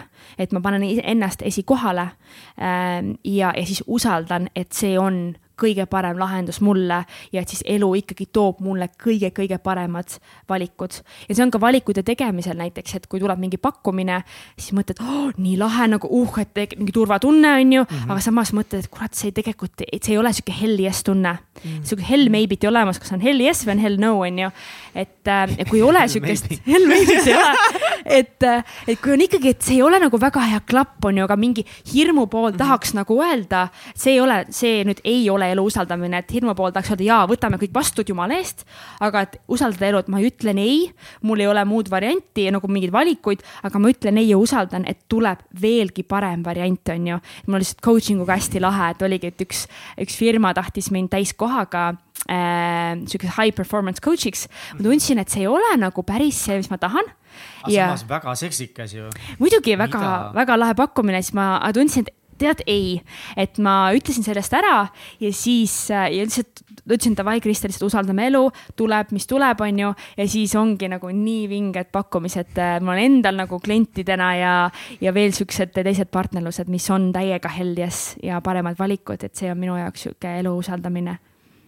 Kui lihtne või keeruline sul on olnud seda praktikasse nagu panna, et kas alguses see elu usaldamine oli selline pigem noh, sa tuled ikkagist ka nagu, et tõng-tõng-tõng ja vaja, et nagu kuidas sa sellest protsessist läbi läksid, et päriselt nagu hakata seda elama ka seda, et ma usaldan elu? jaa ehm ma arvan, mis on minu jaoks on, ongi olnud samm-sammuline protsess, sest äh, ma ei usu sihukestesse dieetidesse või quick fix idesse, et kiiretesse lahendustesse, sest see ei ole järjepidev.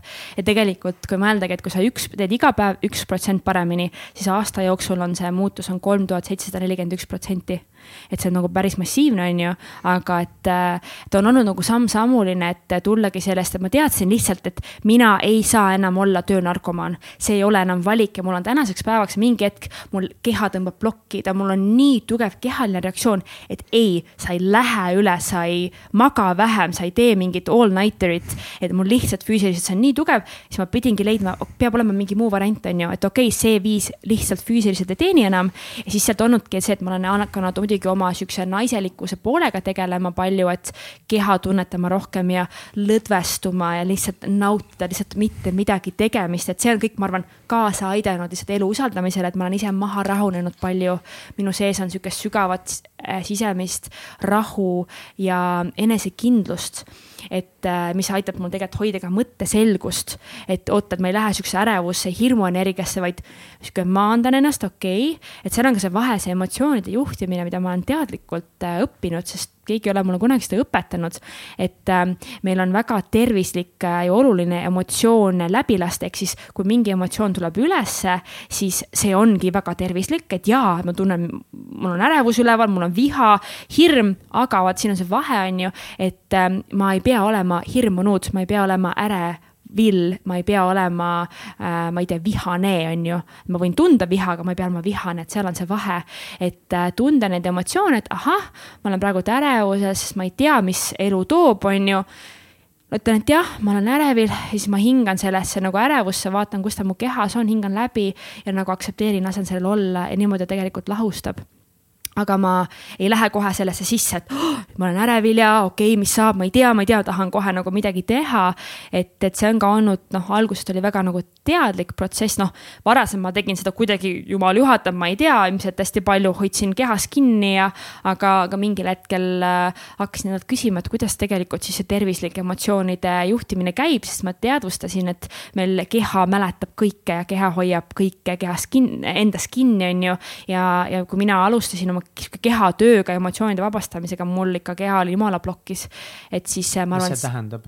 see tähendab seda, et noh, ma käisin ühe biodünaam-, ma käisin biodünaamilises hingamises äh, oma hea sõbranna juures, et kus siis sa hingad sihuke hästi äh, sügavalt suu kaudu. ja poolteist tundi või kaks tundi järjest jah, kus siis äh, äh, hakkabki tegelikult äh, kehas äh,, sa oled sihukeses staadiumis, et noh, hakkab igast punkte vajutama, kus siis tegelikult keha hakkab vabastama mingeid pingeid ja tegelikult mul hakkas ka silme ees mingid pildid läbi käima, mingid, mingid äh, mineviku äh, situatsioonid, mis siis nagu vabanesid. aga mis juhtus, et kui ta mingeid punkte mul vaatas, siis ma lõpetasin hingamise ära. ma ise ei mäleta, mul lihtsalt kehal lõpetas ära, sest ta ei olnud valmis, sest nagu sihuke, ma arvan, emotsioonide juhtimine, sihuke kehaga kontakti uuesti loomine on nagu sibula koorimine. et, et minul oli alguses väga tugev koor ees ja lihtsalt ja siis on järjepidev töö, et samm-sammult, mida rohkem ma lihtsalt teadvustasin seda, et ahah, ja olin lihtsalt rohkem äh, iseendale küsisin, et okei okay,, et kuidas ma ennast nüüd tunnen, on ju kehas ja siis muidugi ma käisin ka mitu, tegin, ma olen aastate jooksul päris mitu sessiooni tema juures käinud ja teinud. mis on siis nii lahe tagasiside olnud, kuidas iga kord on mu keha palju rohkem lahti ja, ja tunnen ja vapun, et see on nagu nii, see on üks hästi, see on, annab nii palju julgustust ja motivatsiooni juurde, kui sa saad sellise tagasiside, et ja, et see vaev ja see protsess, mis sa läbi teed, teed, et see kannab ka vilja. Et, et ja, ja siis äh, erinevaid tehnikaid kasutan ka nüüd, et kui tuleb mingi asi üles, et võib hakata nagu peas ketrama, on ju, et, et seda kõik hull, mingi kõik kõige hullemad situatsioonid käid läbi, on ju, et oh my god et siis äh,, mis ma teengi, et see on niisugune nagu emotsioon äh,, niisugune emotrans näiteks on hästi kihvt harjutus, kus ma lihtsalt kirjutan selle paberile ülesse selle lause mm. -hmm. ja noh, minul oli viimasel ajal oli see, et mind kasutatakse ära, et kui ma korraldan üritusi, siis mul oli tugev, see oli kümme aastat olnud äh, mõttemuster, et mind kasutatakse ära siis. ja see oli nagu hästi ärevust tekitav, et siis ma lihtsalt äh, vaatasin seda äh,, seda lauset ja siis okei okay,, kus ma seda kehas tunnen, on just tekib kuskil pinge ja siis ma lihtsalt mm -hmm. hingan selles üles, et uh, lasen selle nagu lahti ja teen seda mitu korda, mitu korda, kuniks see nagu vabaneb, on ju aga noh, ärakasutamisega oli huvitav, ma käisin ka teraapias äh, lausa ja siis äh, see oli lahe, kuidas siis terapeut kanaldas mulle, ütles, et jah, et see ärakasutamine on tegelikult seotud, et see minu väike tüdruk, et äh, äh, sa tunnebki, et saab läbi tegutsemise saab armastust. ja mina paningi, kui ma mingeid üritusi korraldasin äh,, siis äh, eraisikuliselt nagu oma sõpradele, ma panin kogu oma hinge ja arvastuse sinna sisse ja muidugi tahtsin siis ka sellist, ma tahtsin vastu saada armastust, on ju, kui ma ei saanud niimoodi, nagu ma tahtsin, ma tundsin, ma olen sügavalt haavunud ja ära kasutatud. ma saan kohe aru, noh, see ei ole tervislik ja see, ma ei saa niimoodi tunda ja inimesed ei mõtle kaugeltki niimoodi, on ju. kas sa oskad mingi näite ka tuua? jaa, väga hea näide, oh, korraldasin siin vahepeal, meil oli mingi biohäkkeritega sihuke retriit äh,. lihtsalt meil on sihuke väike grupp äh, inimesi äh,, siis ühte korraldasin ja äh, ja kui tundsin ka, et kui ma näiteks broneerisin äh, selle mm, koha ära, siis ma küsisin inimestelt raha, et okei okay,, maksame kõik ära selleks kuupäevaks ja kui ei makstud õigeks kuupäevaks ära, siis ma tundsin, et ma olen täiesti, mind on ära kasutatud sest äh, noh, ongi, et ma teen seda täiesti tasuta, ega mina mingit raha ei küsi, on ju. et ma pean nüüd siis mängima ema ja inimestele ka meelde tuletama, on ju, et, et kuidas sa siis nagu ei mõtle minu peale, et ma ju nägin vaeva ja siis mingi, mäletan, ma ei saanud magada, mul oli selline ärevus nagu öösel ketrasin neid igasuguseid, noh, ta oli, see oli nüüd tegelikult, see oli see aasta, sest ta oli mul, äh, see hakkas mul keskkoolist vahepeal surusin alla, vahepeal ma lõpetasin, vältisin seda teemat, ma lihtsalt lõpetasin igasuguste üritustega korraldamise ära. Ma teadsin, et see, aga tolleks hetkeks ma juba hakkasin aktsepteerima, sest mul oli mingi hetk oli see, et kus ma, minu see töö perfektsus ähm, läks seda üle siis äh, olla nagu perfektne inimene, kus ma igasuguseid traumasid ja mõttemustreid tahtsin äh, kohe lahendada, sest äh, et ma ei ole ju täiuslik, ma olen noh, ma tahaks saada täiuslikuks ja täielikuks inimeseks, aga mingi hetk see, ma sain ka sellest aru, et see ei ole eluterve ja siis. põhimõtteliselt, kui korra nagu seda, korra sellesse mõttesse tagasi minna mm, -hmm. ma tean nagu lähme jumala suvastega, see on mega fine, see on mega okei okay. okay.. et siis põhimõtteliselt mingi hetk su elus sa jõudsid sellesse kohta, kus hakkasid väga tegelema endaga, oma hingega, oma emotsioonidega, oma tervisega yeah., oma kehaga, aga see viis sind jällegi nii kaugele, et nüüd sa tahtsid saada täiuslikuks inimeseks, et täiuslikult puhata, täiuslikult süüa, täiuslik, ma ei tea, välja näha, täiuslikult tunda ennast. midagi sellist või? ja, ja, sest noh, ma mul oli hästi tugev eneseanalüüs, sest see oli ähm, ka müügis oluline, et kuna müük on emotsioonide vahetus, sa hästi palju kõrvalt ennast analüüsid, kuidas paremini teha, on ju. ja siis ma teadsin ka, et okei okay,, et igasugused nagu, et meid nagu nii-öelda juhivad ebateadlikult igasugused traumad ja mõttemustrid on ju, et see on nagu meie otsustada, et äh, millistes mõttemustrites ja millistes maailmates me tahame elada, sest noh, mõtteviis tegelikult ongi see, kuidas sa maailma kirjeldad, mis tegelikult piirab ja loobki sinu maailma, on ju. ma olin kuidagi nii teadlik ja nii klammerdunud sellesse, et sihuke nagu jonnakus, et kurat, et kui ma tundsin ära, et mingi halb trauma mõttemuster tuli ülesse, siis ma nagu teadsin, et kui ma sellega kohe ei tegele, siis ta jääb, ma tean, et ta jääbki minu ellu, ta tuleb aina tugevamalt ülesse, kui ma selles, selle olukorras seda ei lahenda, siis ta tuleb järgmises olukorras uuesti ja uuesti, et ma nagu teadsin, et ma nagunii pean, on ju. aga siis lõpuks ta läks sellisesse nagu mul oli nii väsitav, et see pidev eneseanalüüs, mis oli nii automaatne juba ja see, et ma oh,, ma pean jälle endaga tegelema, ma tahtsin lihtsalt korraks sihukest hetke, kus ma saan mul oleks elu nagu maru rahulik, kõik on hästi või ma nagu tahtsin sellist hetke nagu, aga kogu aeg tuli ülesse, sest ma ise nagu ka keskendusin sellele. ja siis ta oligi vist ah, võib-olla oli kaks tuhat seitseteist, kus ma lihtsalt saingi aru, et vau, et kõik need äärmuslikud eluviisid, igast endaga tegelemine, et äh, jah, et nüüd ma olen siis ringiga tagasi alguses, kus tegelikult ma lihtsalt pean endasse laskuma ja lihtsalt ennast täielikult aktsepteerima kõiki oma külgi, kõiki oma mm neid valguskülgi, varjukülgi, kõiki negatiivseid mõtteid, harjumusi, et, äh, et need traumad ja igasugused koolitused on olnud maru äh, toredad, on ju, ja mingid asjad on väga väärtuslikud ka siiamaani olnud. aga ma mõtlen inimeseks saamine, inimeseks olemise õppetunni või sihukeses protsessis ma lõpuks sain aru, et lihtsalt enda aktsepteerimine on see kõige, minu jaoks kõige õigem tee ma toon su tagasi nüüd sinu selle loo juurde, et siin need ürituste korraldamised, sa mingi hetk siis lõpetasidki ürituste korraldamise täielikult ja. ära, seepärast et sa teadsid, siis sa pead tegelema nende teemadega nagu. ja, ja tollel hetkel, siis ma tundsingi, et jah, et see ei ole veel nii, kuidas ma praegu ka tegelikult teemadega tegelen, et kui mingi asi tuleb ülesse, ma lihtsalt lasen tal olla, ahah, okei. Okay.. ja tunnen, et praegult ei ole õige aeg sellega tegeleda ei, et see ei häiri mind nii palju. Ja siis ma ka selle ärakasutamise teema jätsin äh, pikaks lihtsalt kõrvale, ei korrald-, ei kutsunud inimesi külla, ei organiseerinud asju. ja siis ähm, kuni siis jah, selle aastani alguseni, siis läks ta päris hulluks, sest ma korraldasin uuesti retriite ja, ja siis äh, oligi äh, see oligi tegelikult sihuke kevade alguses, kus läks ikka niimoodi, et jah, et ma, inimesed ei vastanud õigel ajal ja ei andnud nagu tagasisidet, kui vaja oli ja siis ma nagu lihtsalt öösel ei saanud magada. mul oligi täiesti siuksed nagu ärevus ketras peas, erinevad lood, noh, kõige hullemad lood, kuidas keegi minuga käitub ja mis iganes, on ju. ja siis ma tundsin, et okei okay,, et nüüd ta on nagu nii hull, et ma pean sellega tegelema, et ma ei saa enam nagu ollagi, et mul terve päeva, sest ta võttis mind nii tühjaks, kogu aeg energiat ju kulutad sellele, siis ma olin nii väsinud äh, päevade kaupa on ju, ja see oli mingi sihuke eraeluline tasuta retriit, et ma nagu ei saa nii elada, on ju ja siis ma, mis ma tegingi, et võtsin, et okei okay,, ma siis räägin inimestega, siis ma helistasin kõigile nendele inimestele, kes ma tundsin, et mind kasutasid ära. siis ma rääkisin neile, et tead, ma ei taha, et sa mitte midagi nagu vastaksid, aga mul on vaja sulle ära rääkida.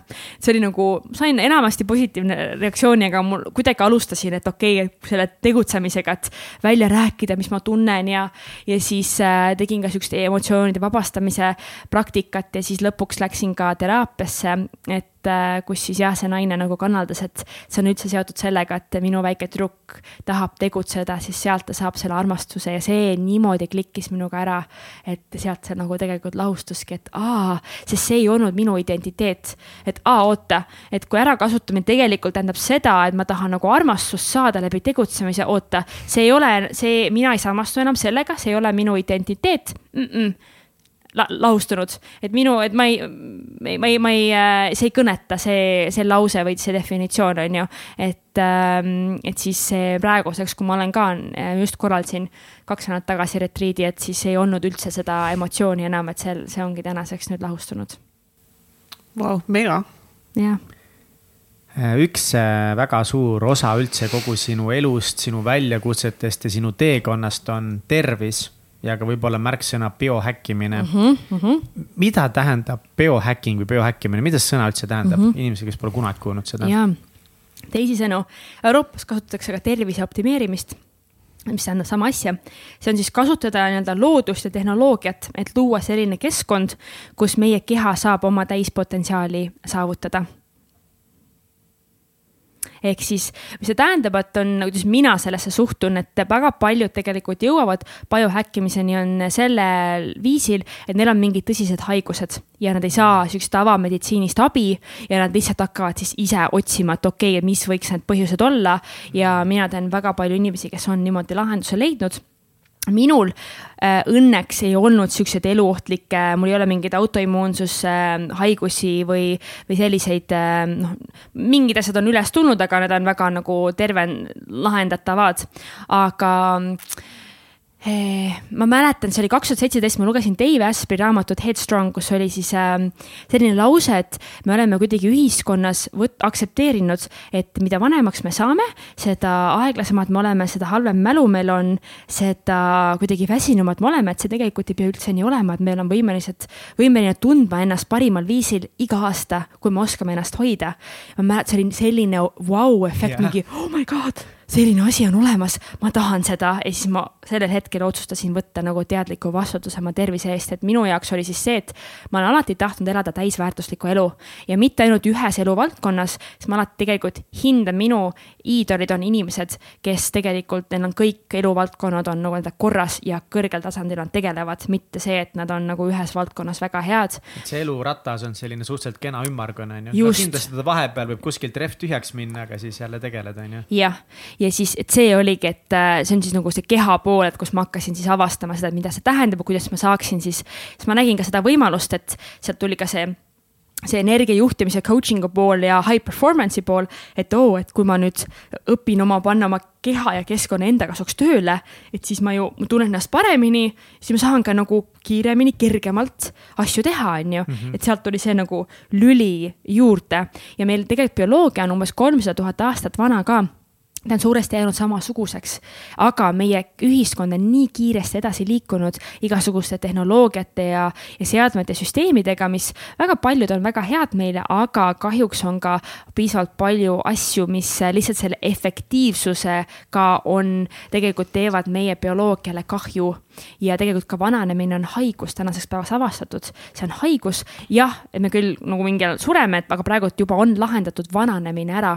et seal on nagu erinevad mingid, see on nagu teine teema, aga see on nagu huvitav avastus, et ja, et me ei, et me, sest me tegelikult ei pea üldse nii-öelda vananema. I love it. jah aga mida sa, mida sina teed oma elus või, või kuidas mm -hmm. sa alustad, mida sa teed oma elus siis selle jaoks, et elada täisväärtuslikumat elu just selle tervise poole pealt ja toitumise poole pealt? ja Äh, no kui ma alustasin, ma olen jälle sihuke hästi noh, kuna mul see ekstreemsus on, et ma lihtsalt, kuna ma teen asju südamega mm -hmm. ja ma olen nagu, kui midagi mulle meeldib, siis ma lihtsalt lähen täiega sinna sisse, ma tahan hästi teha. sihuke mingil määral perfektsionism on ju, et ähm, ma läksin täiesti, lihtsalt sukeldusin selles teemasse, ma olin täitsa üksi ka Eestis. kuidagi ei olnud kel-, või teadnud, kas keegi veel üldse sellega tegeleb, siis ma lihtsalt äh, ahmisin infot sisse ja proovisin kõike, et ma ikka kulutasin tuhandeid eurosid, et igast vitamiinid ja trikid ja trakid ja kõik värgid. Ja mul tekkis lõpuks äh, ortoreksia. See on siis, et see on, äh, see on siis äh, tervisehäire, kus ma vältisin kõigest väest ebatervislikku toitu. Lihtsalt nagu Kristjan, sa oled siuke kullatükk lihtsalt, ma nii armastan sind, see on nii nunnu lihtsalt, kuidas sa, sa oled nii tubli, et sa võtad endale mingid head asjad endale eesmärgiks, keerad oma elu perse okei, nii okei, aga räägi edasi palun, sul tekkis ortoreksia ehk siis ütle palun definitsioon uuesti. definitsioon on see, et äh, see on siis toitumishäire, kus äh, sa kõigest väest üritad vältida ebatervislikku toitu ja eluviisi. Kuna ma õppisin, mul on tollel hetkel ma lugesin kõiki asju, mis tegelikult meie kehale on kahjulikud, siis ma hakkasin ka nägema kõiges ohtu. Mm. -hmm. et äh, ma olin, läksin kohe hirmuenergiasse, et oh my god, see on halb ja see on halb, ma pean seda vältima ja, ja lõpuks oligi, et ma äh, mäletan, ma olin vanemate juures ka, et tundsin sellele mitte midagi süüa, ma ei saa ju, ma sõin hästi nagu madala glükeemilise indeksiga toite, hästi süsivesiku vaest toitu, onju.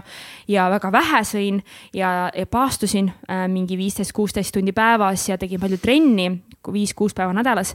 ja siis mäletangi seal just üks hetk vanemate juures ma sõin mingi paprikat ja tomatit ja kurki, et nagu ja, ja muna, et rohkem väga midagi süüa ei saanud, sest meil oli erinevad äh, söögistiilid, mina mingeid kartulit, riisi ei saanud süüa tol hetkel mm. -hmm. siis mäletan, kus mu keha värises nagu, sest ma olin nii, veresuhkur oli nii madal nagu ja mul kogu aeg külm olla. ma olin täielikus alakaalus ja ma olin nii väsinud, et mul oligi päevaks, kell oli mingi kuus-seitse, ma lihtsalt, ma ei jaksanud mitte midagi teha. see oli suvel ka, ma käisin Island Soundil, mäletan, su sõbrannale ütlesin täiesti lõpp, kell on juba mingi kuus-seitse ja ma lihtsalt, ma tahan magada, ma ei jaksa, see oli nii hirmus. ma olin kakskümmend seitse, kakskümmend kaheksa, mõtlesin, et see nagu biohäkkimine lubas mulle, et mul on nagu iga aasta on nagu parem energia, on ju. ja nüüd ma ei ole veel, noh, ma olen noor inimene, kuidas mul siis nagu ei ole energiat ja, ja see oli päris hirmus tegelikult, et et, ähm, et jaa. sul oli mingi teine lugu veel äh, sõpradega kuskil koos kas mingi suusatades või kuskil, kus ei saanud ka, mingi restoranis ei saanud süüa midagi? jaa, siis ma käisin Saksamaal äh,, issand ja ma käisin Saksamaal sõpradega, käisime seal Nürburgringis äh, ra, ralliautodega sõitmas ja siis. oota, sa sõitsid ise ralliautoga, mis suusatamine, ralliautodega ralliautodega, jah. väga oluline küsimus, mis ralliautoga sa sõitsid? ma ei mäleta, ma ei tea autode marke. kas sa istusid nagu kõrval või sa juhtisid? ei, mõlemat ikka, ma ikka sõitsin Sõit ka loomulikult. aga said kiiresti sõita? ja, ja, ja. kui kiiresti sõitsid seal? Ma ei, ma ei mäleta, mingi üle saja ikka, ma ei tea, aga see oli päris hirmus, sest seal oli Nürburgringis, noh, osad panevad ikka hullu. noh, see on sama nagu mina õppisin oma äh, rolleri õnnetusest, mis mind kandis, sest Nürburgringis reaalselt iga ring äh, oli niimoodi, kus kedagi jälle helikopteriga viidi haiglasse nagu, et seal ikka sõideti niimoodi sodiks autosid, sest noh, enamasti olid siuksed noored mehed on ju uhkete autodega lihtsalt panevad ja see on ka üpris keeruline ring, et ma seda teadsin, et ei, ma ei, ei ole. see ongi nii, et sa lähed sinna, ostad nagu mingi pilet ja saad nagu selle kogemuse, et kuidas on ralliautoga ralli sõita. oh my god, kui lahe. okei okay,, nii käisid sa sõitmas ja niimoodi, mis siis sai?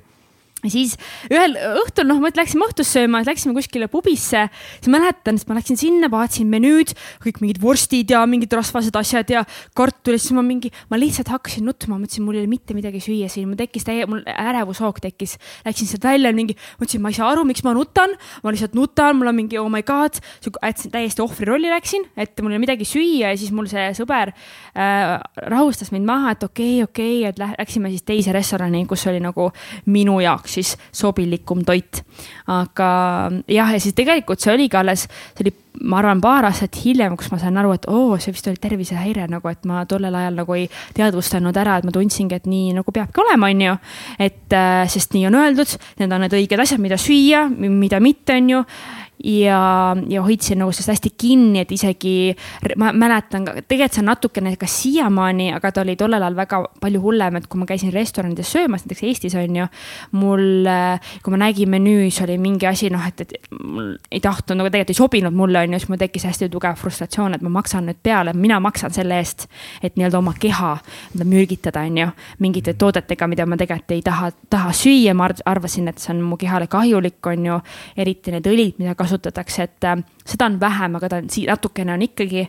et tollel hetkel ma siis lihtsalt tegin oma toidu, ütlesin, et okei okay,, võtke see välja, pange seda, on ju, tegin oma menüü.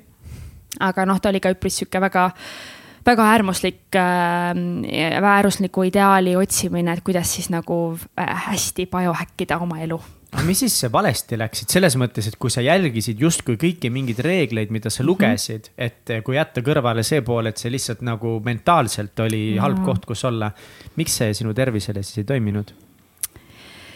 see oli vist äh, kaks tuhat kaheksateist, mingi aasta-poolteist hiljem, kui ma hakkasin biohäkkimisega tegelema, siis ma avastasin äh, kuskilt, et oo, oota, biohäkkimine naistele on hoopis teistmoodi kui meestele mm.. ja, ja üheksakümmend viis protsenti igasugustest biohäkkimissoovitustest on meeste bioloogia põhjal tehtud äh, ja soovitatud ka meeste mm., äh, meeste poolt, keda mina ka jälgisin tollel ajal.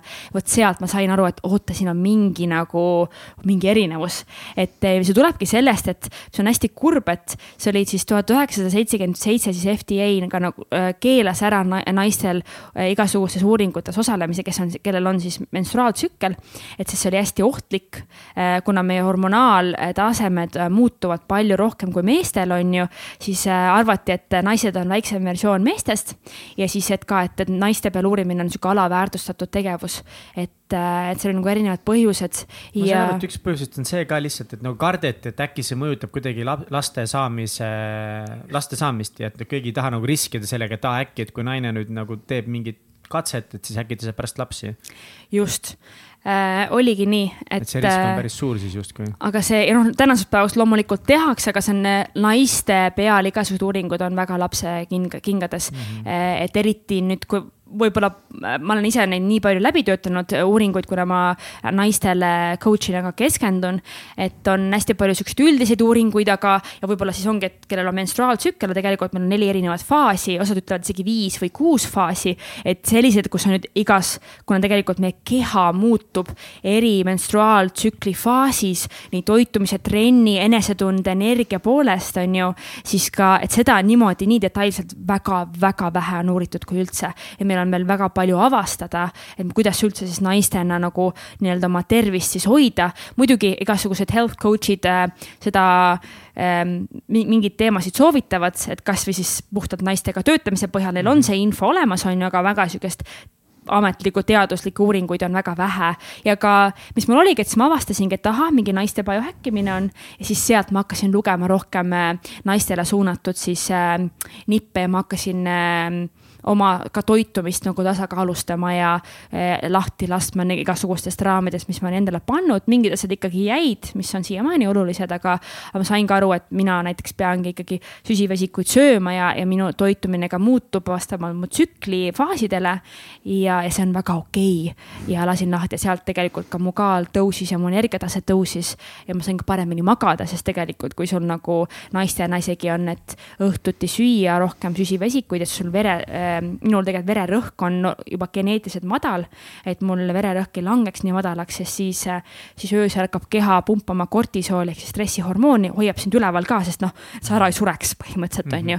et kui sa ennast näljutad, siis sa lihtsalt ei saa magada, on ju aga et hakkasin rohkem nagu söö, sööma ja teadlikult, et siis see tõi mul selle energiataseme ja hea enesetunde tagasi see on ju üks minu lemmikteemasid, mis mind väga huvitab, mulle väga hingelähedane ikkagi menstruaaltsükkel, et et ikkagi see on minu jaoks nagu väga oluline, me oleme siin äh, siit ja sealt seda puudutanud, et äh, noh, see on, ma pean teadma, mis siis on need, mis sa ütlesid, neli erinevat ja mõnegi, mõnikord mõni ütleb isegi viis-kuus erinevat, mida, tsüklifaasi või? Mis need on, räägi meile, ma arvan, et väga paljud naised võib-olla ei tea täpselt. kindlasti. ja, ja ma tegelikult ka, kui ma koolitan, siis ma noh, koolitan ka mehi ja naisi, on ju, et siis ma ähm, toon ka välja siis meeste ja naiste hormonaalse vahe, et minu jaoks on ka oluline, et mees, mehed saavad sellest aru. ka nagu, kuna meil ikkagi ju kas siis töö kontekstis, kellel on partner äh, siis vastassoost, on ju, et see on niisugune omavahelisest arusaamisest, toetamisest on minu arust nii oluline aru saada, et kas või noh, kuna meil bioloogia on selles mõttes sarnane nagu ka naistel sarnane ja meestel siis vastavalt sarnane, on ju, et seal saab siukseid üldistusi teha, et siis äh, seda enam ma sellest nagu hea meelega räägin ükskõik kellele, aga meil on siis, menstruaaltsükkel on umbes kakskümmend kaheksa kuni kolmkümmend neli päeva, kellel on äh, vähem, äh, lühem või pikem, siis väga soovitan uurida, et kas see on normaalne või mitte et äh, mina, minul näiteks siin aasta aega oli isegi nelikümmend päeva ja, ja siis mul oli väga tugevad PMS-i sümptomid, et siuksed emotsionaalne kõikumine, kaalutõus, hästi halb tunne ja siis ma sain, tegin teste, sain aru, et mul on parasiit. ja parasiit oligi siis, äh, kuna see hormoonide detoks töötab ka nagu läbi siis mik-, mikro, mikrobioomis ka ja maksas. Et siis see nagu siis parasiit takistas seda ähm, protsessi, äh, mille põhjal siis minu tsükkel läks paigast ära ja see on tegelikult naistel on kõik, mis on tegelikult, mis meestel ei ole, aga naistel siis iga kuu, kuu tsükkel näitab ära, kui terve naine tegelikult on, see on hästi hea tagasiside viis, et see on meie supervõime, et kasvõi sinu verevärvus tegelikult näitab ära, et kas sinu hormoonid on, on äh, paigas äh, no korras või ei ole, siis menstru-, menstruatsiooni ehk siis päevade pikkus, aga ka menstruaaltsükli pikkus ja kuidas sa ennast tunned, see annab sulle mä-, mä, juba märkus, et kuule, et võib-olla sa peaksid midagi siis testima, midagi uurima. Eh, et võib-olla see viimane kuu või kaks ei olnud kõige parem niimoodi nagu sul töötada või et jaa, et see tegelikult kõik sulle töötas hästi ja see on siis see nagu pikkus, on ju. ja, ja siis on need faasid on siis, ma tavaliselt kasutan, on sihuke teaduslikud nimetused ja siis on siuksed lihtsamad, eh, mis inimestele võib paremini meele, meelde jääda, aga on siis menstruatsioon on talv, kus siis meie hormoonid on kõige madalamal Eh, kas ma, tahad, ma nagu kirjeldan ka neid erinevaid faase või ma lihtsalt, okei. Okay.. ja, ja muidugi, sest eh, ikkagist enamus meie ja, kuulajaid on, on ka naised ja ma usun, et see on nagu väga vajalik eh, info, mida, mida jagada. okei. Okay., et menstruatsiooni ajal, see on umbes viis kuni seitse päeva. Eh, on siis meie hormoonid kõige madalamal tasemel, kus siis meie energiatase tavaliselt on ka kõige madalamal. ja, ja siis on hästi oluline just meie parasümpateetilist närvisüsteemi toetada. ehk siis lihtsalt hoida ja puhata, olla looduses. mida tavaliselt tehakse, on see, et tehakse kaks korda rohkem trenni, kohvi on ju, et nagu suruda läbi, siis sa tunned ennast nagu väsinumana, siis sa nagu tahad kompenseerida seda. sa tegelikult teed oma kehale väga-väga palju liiga ja see viib sind aina rohkem stressi olukorda, mis ei ole üldse hea ja et sellel ajal jah, lihtsalt, et kuidas mina nagu töötan ka või, või siis nagu naiste, naisklientidele räägin, et sa võid teha kõike, mida sa teed, aga lihtsalt äh, erineva intensiivsusega, et võtad rohkem puhkuseid, pause, et võib-olla mina näiteks väga ei tahagi kellegagi noh, kuskil suhelda või käia hullult väljas, olla sotsiaalne. ma nagu võtan maru rahulikult ja, ja võib-olla magan kauem või puhkan kauem. aga mis äh, sellel menstruatsioonifaasis on, siis meie intuitsioon on kõige kõrgemal tasemel loomulikult. kuna on rohkem sihukeses kehas sihukest vaikushetke, et see on kõige parem aeg unistamiseks ja endalt sihukeste sügavate küsimuste küsimiseks. et äh, näiteks ongi, et mhm. kas, ähm, kas ma elan sellist elu, mida ma tegelikult tahan elada. et sa saad nagu menstruatsiooni ajal sihukest nagu keha toetab sind kõige rohkem, et aitab sul neid vast-, sügavaid tõeseid vastuseid saada iseendast või leida iseendast ülesse et see on nagu see aeg ja siis järgmine on kevad, see on siis follikulaarfaas, mis on pärast siis päevi, see on ütleme seitse kuni kümme päeva. seal siis meie energiatase hakkab tõusma, estrogeen tõuseb. see on siis hästi hea planeerimisaeg, et kui sa nüüd äh, päevade ajal ehk siis talvel äh, unistad ja mõtled, mida kõike võiks teha, siis kevade ajal sa saad planeerida neid kõiki asju, mida sa nüüd otsustasid Eh, ja paika panna, et see on ka, siis hakkabki sul intensiivsus nagu tõusma ja võid nagu kiiremini, mõnusamalt toimetada ja siis on ovulatsioon on siis umbes kolm kuni neli päeva, see on siis suvi see on pärast kevadet. see on siis nagu sihuke nii-öelda prime time, see on kõik, äh, naistel siis kõige kergem äh, faas, kuidas äh, flow seisundisse saada, me, meil on kõige, tunneme ennast kõige kergemini, lihtsamini äh,, kõige paremini, meil on näonaks säravam, me oleme kõige enesekindlamad, kõige paremad äh, palgatõusu küsida, raskeid vestlusi pidada, me oleme kõige sotsiaalsemad, nagu kõige-kõigemad. see on nagu loomu poolest. ma jällegi tahan öelda, et, et inimesed ei jää või naised ei jääks faasidesse kinni, et me oleme teadlased on täiesti ühel me meelel, et me kognitiivselt on naised võimelised igas faasis ükskõik mida teha. ma praegult räägin, et mis, et mis faasides keha nagu toetab sind rohkem, on ju, aga see ei tähenda, et sa pead ainult planeerima kevadel ja sa ei tohi mitte midagi muud teha, on ju.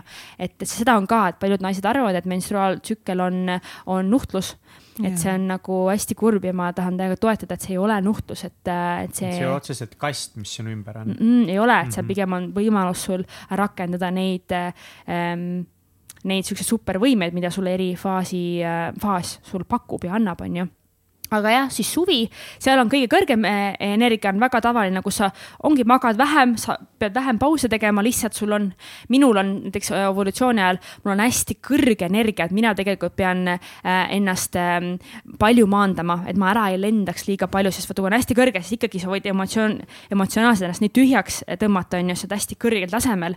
et siis seal ma nagu pigem vastupidi, et kui talvel ma tõstan energiat ja hoian ennast, et mul oleks äh, sihukest äh, nagu positiivset positiivsust ja, ja energiat tegutsemiseks, siis äh, suve ajal on vastupidi, et ma natukene nagu tõmban seda maha, et ma suudaks nagu järjepidevalt siis äh, kuul-, nii-öelda toimetada, et ei oleks väga suuri siukseid kukkumisi aga jah, et siis kevad ja suvi on kõige paremad ajad igasuguseks intensiivseks tööks. Äh, ja, ja siis tuleb sügis ja sügis on nüüd kaheks, et sealt tuleb see neli või viis faasi. et sügis, kus meil hakkavad siis hormoonid langema progesteroon tõuseb. progesteroon siis, estrogen on sihuke, et mida kõrgem on estrogen, lihtsustatult seda rohkem meil on energiat ja progesteroon on siis sihuke rahulikkuse hormoon, mis tegelikult hakkab meie keha maha rahustama, mis tegelikult ongi signaal, et palun äh, võta rahulikumalt, et on aeg nagu puhata, on ju äh, ja siis esimene, see on, äh, sügis on tavaliselt neliteist päeva, see on siis luteaalfaas ja, ja siis esimene sügise nädal on siis, kus sa saad veel, see on siis hea aeg äh, delegeerimiseks, asjade kokkutõmbamiseks, et okei okay,, et valmistuda nagu talveks, on ju, et kus sa lõpetad asju. Äh, ja siis sügise teine faas, see on minu jaoks näiteks minul isiklikult kõige keerulisem faas, kus ähm, kuna progesteroon tõuseb, siis mis tähendab seda, et kehatemperatuur natuke tõuseb, see pärsib ka melatoniini taset, mis on unehormoon, et ka uni on kehvem. minul on ka, ma magan halvemini, ma olen, ma olen väsinum. vot mina nagu päevade ajal väga ei tunne, mul on nagu väga okei okay,, väga hea olla äh,. aga vot sügise viimane äh, nädal on see, et kus ma ikkagi tegelikult taha, ei taha ka väga kedagi näha ja seal on see, et kodu korrastamise aeg või teed nagu sissepoole asju, endale asju, mida sa saad üksi teha.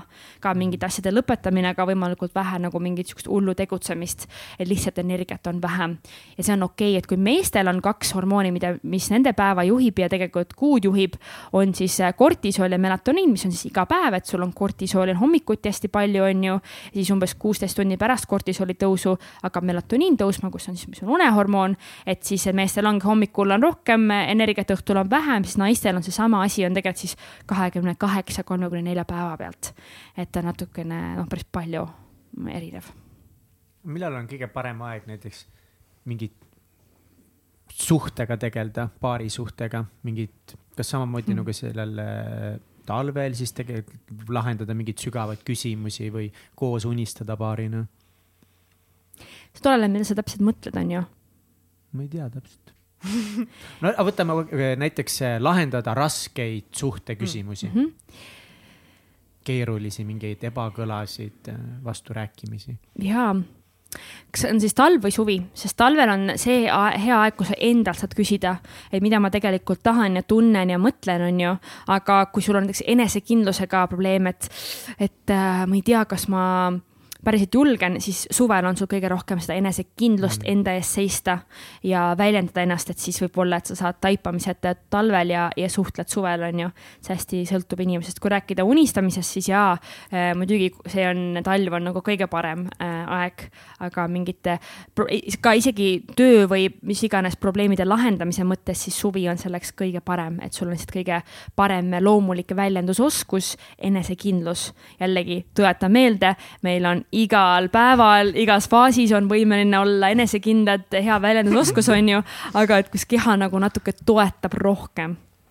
kui palju sa oled oma elukaaslasega mm, nagu jaganud neid teadmisi või kui palju tema oskab arvestada sinu faasidega, et kuidagi ongi samamoodi teie elu nagu korrigeerida või mingites asjades mingeid tegevusi rohkem teha või olla vahepeal rohkem tundlik ja vahepeal mitte? Oh, hästi palju, ma ikka väga palju ähm,, mis on tegelikult on olnud vapustav, et ma olen en, ennast nii hästi tundma õppinud, sest mind on tohutult ähm, huvitanud inimpsühholoogia, miks inimesed käituvad nii, nagu käituvad. et ma arvan, et kuna see on mind elulaja, eluaeg kandnud, et siis ma teadsin, et mingi hetk minust nagu mingi õpetaja, coach ka saab, on ju, et nii paljude teemadega tegelenud. see on nagu meant to be, aga et kuna ma saan iseendast üpris hästi aru ja minust see aitab ka väga palju konflikte vältida, et just see minust kommunikatsioon on hästi oluline, siis ma ikkagi väga palju ka seletan, et okei okay,, nüüd on see aeg, sellepärast ma olen selline, on ju, võib-olla väga emotsionaalne või vastupidi. ja nüüdseks ta, ta ise väga hästi tegelikult ütles mulle ka hiljuti, et ta väga saab aru, kuidas ma ikkagi muutun selle tsükli faasis ja, ja vahepeal on tore, ta nii toetab, et kui mina nagu mingitel hetkedel tahan hakata tegelema ja siis ta ütleb, ei, kallis, praegu on talv, puhka, võta rahulikult, on ju, praegu on talv, on ju, et ta ikkagi väga hästi toetab mind ka, et et tuletab ka mulle meelde, et äh, muidugi tahaks teha, onju, aga et ei, võta rahulikult, on okei okay.. Nice mm. -hmm.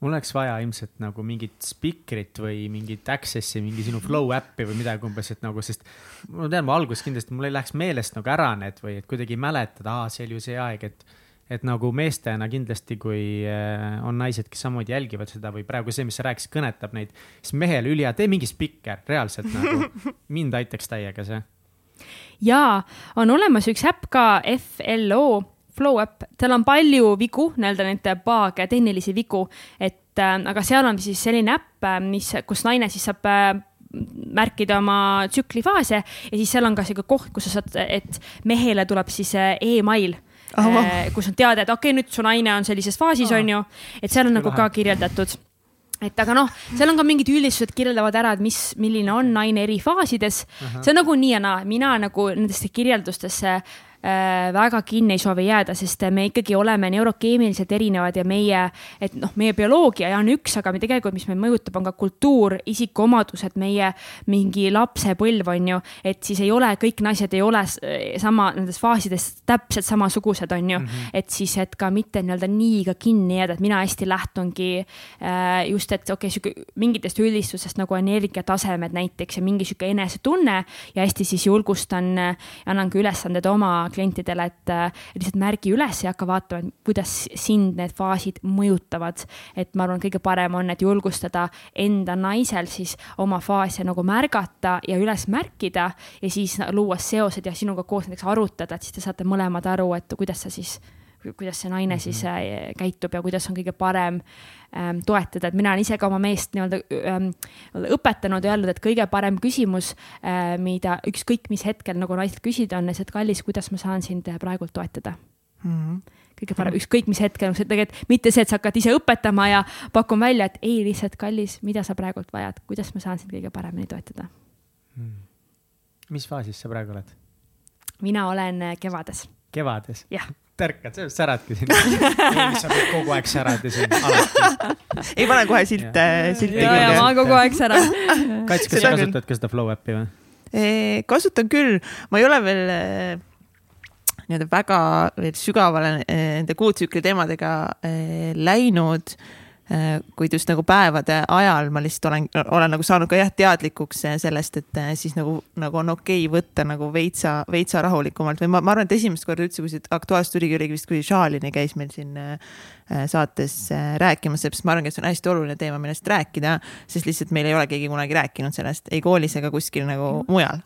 just. et just. nagu, et see nagu mõjutab meie olekut üleüldse nagu noh, et tasub nagu tähelepanu pöörata sellele, sellele teemale, et see on kindlasti midagi, millele, millele mina samuti nagu tahaks rohkem lihtsalt nagu ollagi rohkem teadlikum ja, ja nagu hakata täheldama just nagu mm -hmm. väikeste, väikeste sammudega, et nagu põnev, täiega põnev maailm, et mõtled nagu kolmkümmend kolm, et võiks nagu midagi juba on ju teada, aga nagu tegelikult ei tea sittagi et väga huvitav jah mm. -hmm. on, on. aga ma tahtsin korra uurida see, et sa oled täna, on nii, jah? ma käin vitsus ära. väga hea. mul oli vahepeal sama mõte kusjuures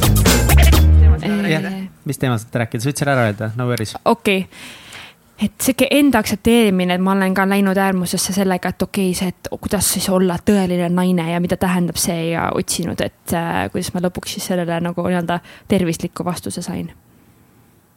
Kui meil on sotsiaalmeedias ka igasuguseid asju, et kuidas naiselik naine ja peab olema hästi naiselik, mida see tähendab ja et mm, -hmm. et mingid siuksed teemad. see on naljakas, te ütlesite nagu, et selle naiselikkusega ka ta läks ekstreemselt, nüüd ma tahan olla kõige naiselikum naine ma tahan nüüd olla täiuslik naine, ainult linased riided ja ainult oh hoolannad oh my god, see on mega põnev. ja, ja, aga lähme edasi sealt, sul oli küsimus. ja, aga see ja. viib meid hoopis nagu täiesti teise, teise maailma ja vahet ei ole, räägime sellest ja siis läheme okay. edasi mm -hmm.. jah, lihtsalt sihuke ennast väga eh, huvitab yeah. ja võib-olla siis tuleme tagasi, see, on, see naiselikkus teema on ka väga huvitav mm. -hmm, ise tunnen vahepeal sama nagu äh,. sa oled täna eh, mitmel korral maininud eh, selliseid eh, sõnu nagu eh, kanaldamine ja kaitseinglid ja et eh, millal sinu selline spirituaalsem teekond üldse alguse sai? Äh,